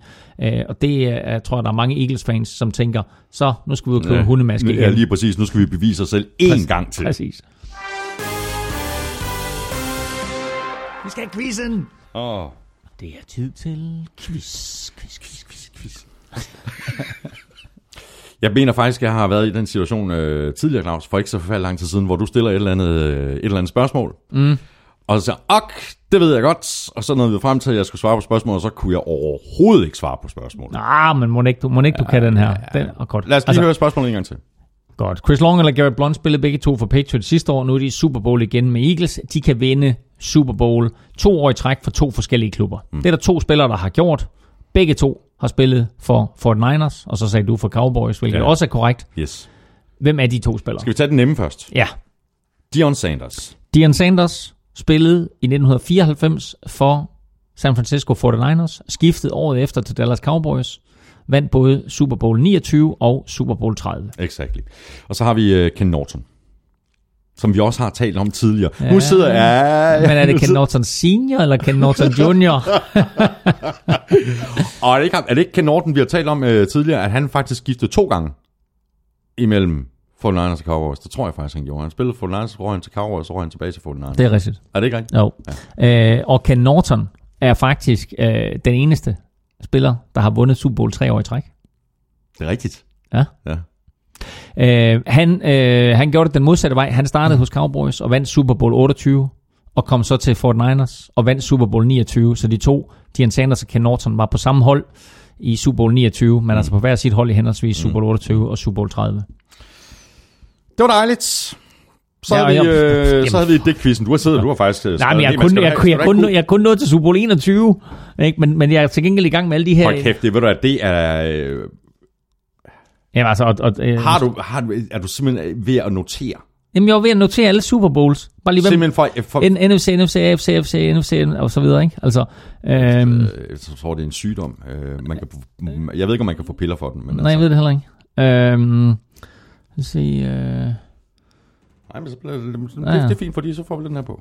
Godt. Det er hyggeligt. Nej, nej, godt. Jamen altså, prøv at høre, jeg, jeg, jeg er kun nået til 21, så jeg, jeg, jeg kan ikke nå at gøre det færdigt, hvis jeg skal op til 51 her. Øhm, men øh, jeg vurderer, jeg, altså det må stå meget, meget lige. Det, det gør det også. Så jeg, jeg, vil, jeg vil sige, at det nok står, øh, der er spillet 51, ja. så siger jeg 26-25 til NFC. Hold kæft, det er godt, mand. Hold kæft, hvor, hvor fanden har jeg, hvor, hvor har jeg ikke sådan nogle, øh, nogle klap? Der har ikke, vi har, har det der. Det, det, det er det tætteste, jeg kan komme. Det er helt dumt. det er helt dumt. Det, det, er, det er godt. Okay. Okay, og så var du selv inde på det der længere, hvor jeg stillede spørgsmålet. Ja, nu, har, nu er jeg i gang i den her, så lige se, fordi øh, 17, 18, 20, 21 var alle som NFC, 22 var også NFC, øh, 23 var selvfølgelig Fort Niners, det var NFC, 24 var Fort Niners, det var NFC, 25 det var Giants, det var NFC, 26 var, øh, det var Cowboys, øh, nej det var det ikke, 26 var, øh, 26 var, var Redskins, øh, 27 var, øh, 27 var, øh, lad os se, Cowboys vandt 28, 9, nej, Cowboys vandt 27, så det var Cowboys selvfølgelig, og 28, det var også Cowboys. Øh, 29. Det er ja, så 30, sygt. Det 30, er så sygt at sidde stille. Cow, Cowboys var også 30. 29, det var, øh, det var Fort Niners. Hold nu kæft, mand. 31, det var Packers. 32, øh, 33, 32 var, øh, var Broncos. 33, hvad så det Broncos? Broncos i Super Bowl 32 brød NFC's dominans oh, efter, godt, efter øh, 1, 2, 3, 4, 5, 6, 7, 8, 9, 10, 11, 12, 13, 14, 15. Nej, 13. Så er det 13? Ja. Okay, hvorfor har jeg forkert her? Er det, er det fordi Super Bowl 18 Nå, det er Raiders selvfølgelig. Raiders vandt Super Bowl 18. 13 fra, ja. fra 85 til 97. Ja, Raiders vandt Super Bowl 18. Var NFC. Ja. Og så siger du, at Broncos øh, vandt så. Det var dem, der brød forbandelsen. Hvem, hvem vandt de over? Hvor meget vandt de øh, med? Broncos vandt over Green Bay Packers i Super Bowl 32, og jeg mener, at scoren var 35-31. Ej, det er tæt på. 31-24. Jeg er simpelthen, 31, så, jeg er simpelthen så imponeret over det her. Det er, øh, Øh, det, det er meget nørdet. Det er meget, det er meget, det er meget, meget, meget nørdet. Ja.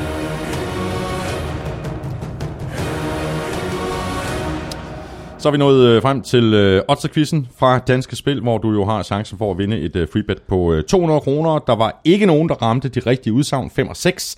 Øh, normalt der lægger vi jo en øh, ny Otterquiz op på, på, på Twitter øh, allerede her i dag, hvor vi uploader, men øh, da der ikke lige er nogen øh, kampe at gætte resultater på, så skubber vi det til næste uge i vores øh, optagsudsendelse. Vi har heller ikke nogen øh, pikselming. Øh, dem venter vi også med til øh, næste uge, men vi kan da lige få en øh, god ordens skyld notere, at du ikke havde nogen rigtig i øh, konferencefinalerne, mens jeg havde en enkelt rigtig. Og det betyder så, at jeg fører 6-4 i slutspillet, så er det også lukket ned. Og 178-155 samlet. The Statman, Lukas Willumsen, han har taget sig en bye week fortjent. Han er så tilbage med masser af Super Bowl stats i næste uge. Øh, Claus Elming, er der allerede øh, lidt uh, betting tips allerede her tidligt, som man måske kunne gå ind og kigge på, eller hvordan uh, Jamen det er der, det og, det? Øh, og, og øh, som jeg nævnte, så er Patriots jo øh, allerede udråbt som storfavoritter, så altså for tredje uge i træk, eller for tredje kamp i træk, der er Philadelphia Eagles som NFC-mestre, der er de altså underdogs. De er underdogs mod Falcons og vandt, de er underdogs mod Vikings og vandt, og nu er de underdogs imod Patriots. Og de er store underdogs, mm. fordi her halvanden uge før, der giver Eagles odds 3,25 for en Super Bowl sejr. Mm, og jeg sætter penge på det. Odds 3,25. Ja, jeg sætter altså, penge på Eagles. Det er da helt crazy. Ja. Der kommer selvfølgelig masser af specials derinde. Øh, tror man, at Eagles kan vinde med under, eller kan tabe med under 10 point. Altså under 10 point. Alle Patriots Super Bowls er blevet afgjort mm, inden for 4 mm, point. Mm. Øh, Undtagen den sidste selvfølgelig, hvor de vinder i overtime, men der kan man sige, at det var reelt set 0 point efter, ja. efter øh, endt spilletid i, i, i hvad hedder, normal spilletid. Øh, men tror man Eagles taber med under 10 point, så er der altså odds 1,47 for det. Øh, hvilket jeg også synes er et, et, et øh, virkelig, virkelig godt odds. Og så kan man selvfølgelig gå ind og spille på lige nu på over og under, øh, hvor mange point scorer de to mandskaber til sammen. Og øh, jeg kunne da godt forestille mig, at det her det bliver sådan en, en øh, forholdsvis øh, lavt scorende affære. Mm. Øh, og det, det, det højeste, man kan spille på nu, det er over under 49,5. Under giver 1,77. Over giver 2,0. Mm. Øh, så 49,5 øh, point kan de to klubber score det til sammen. Jeg tror, hvis man skal ud og slå Patriots, så skal man holde dem til en lav ja, score. Og man skal bare se det, de ja. vandt med i weekenden ja. her over et godt forsvar. Det var 24-20. Så under 49,5 point til 1,77. Glimrende, og som du sagde, så kommer der masser af specials, og dem øh, kigger vi nærmere på i, i næste uge. Tak for det, Elming. Det har været en øh, fornøjelse. Det var en fornøjelse, det var en virkelig kort en af slags. Det var det. Vi, uh, to kampe, omkring to timer. To timer, præcis. det er så nemt at regne med, ikke? Ja. Kæmpe stor tak også til vores øh, gode venner og sponsorer for Tafel og også på Danske Spil. Støt dem, de støtter os, og tak til dig, fordi du lyttede med. Hvis du har spørgsmål eller kommentarer, så kan du gøre det på Twitter og på mail Hvis du ikke allerede følger Elming på Twitter, så er det en skandale. Følg ham på snabelag NFLming. Mig kan du følge på snablag Thomas Kvarto. Tak for nu. Vi høres ved. NFL-showet er produceret af Kvartrup Media, der også producerer de to fodboldpodcasts, Premier League-showet og Champions League-showet, der begge er bestyret af Daniel Siglau. Og så taler jeg dansk politik med min fætter Henrik hver eneste uge i den øh, politiske podcast Born Unplugged. Elming og jeg er tilbage med mere fodbold i næste uge. Ha' det godt så længe. Hot hot!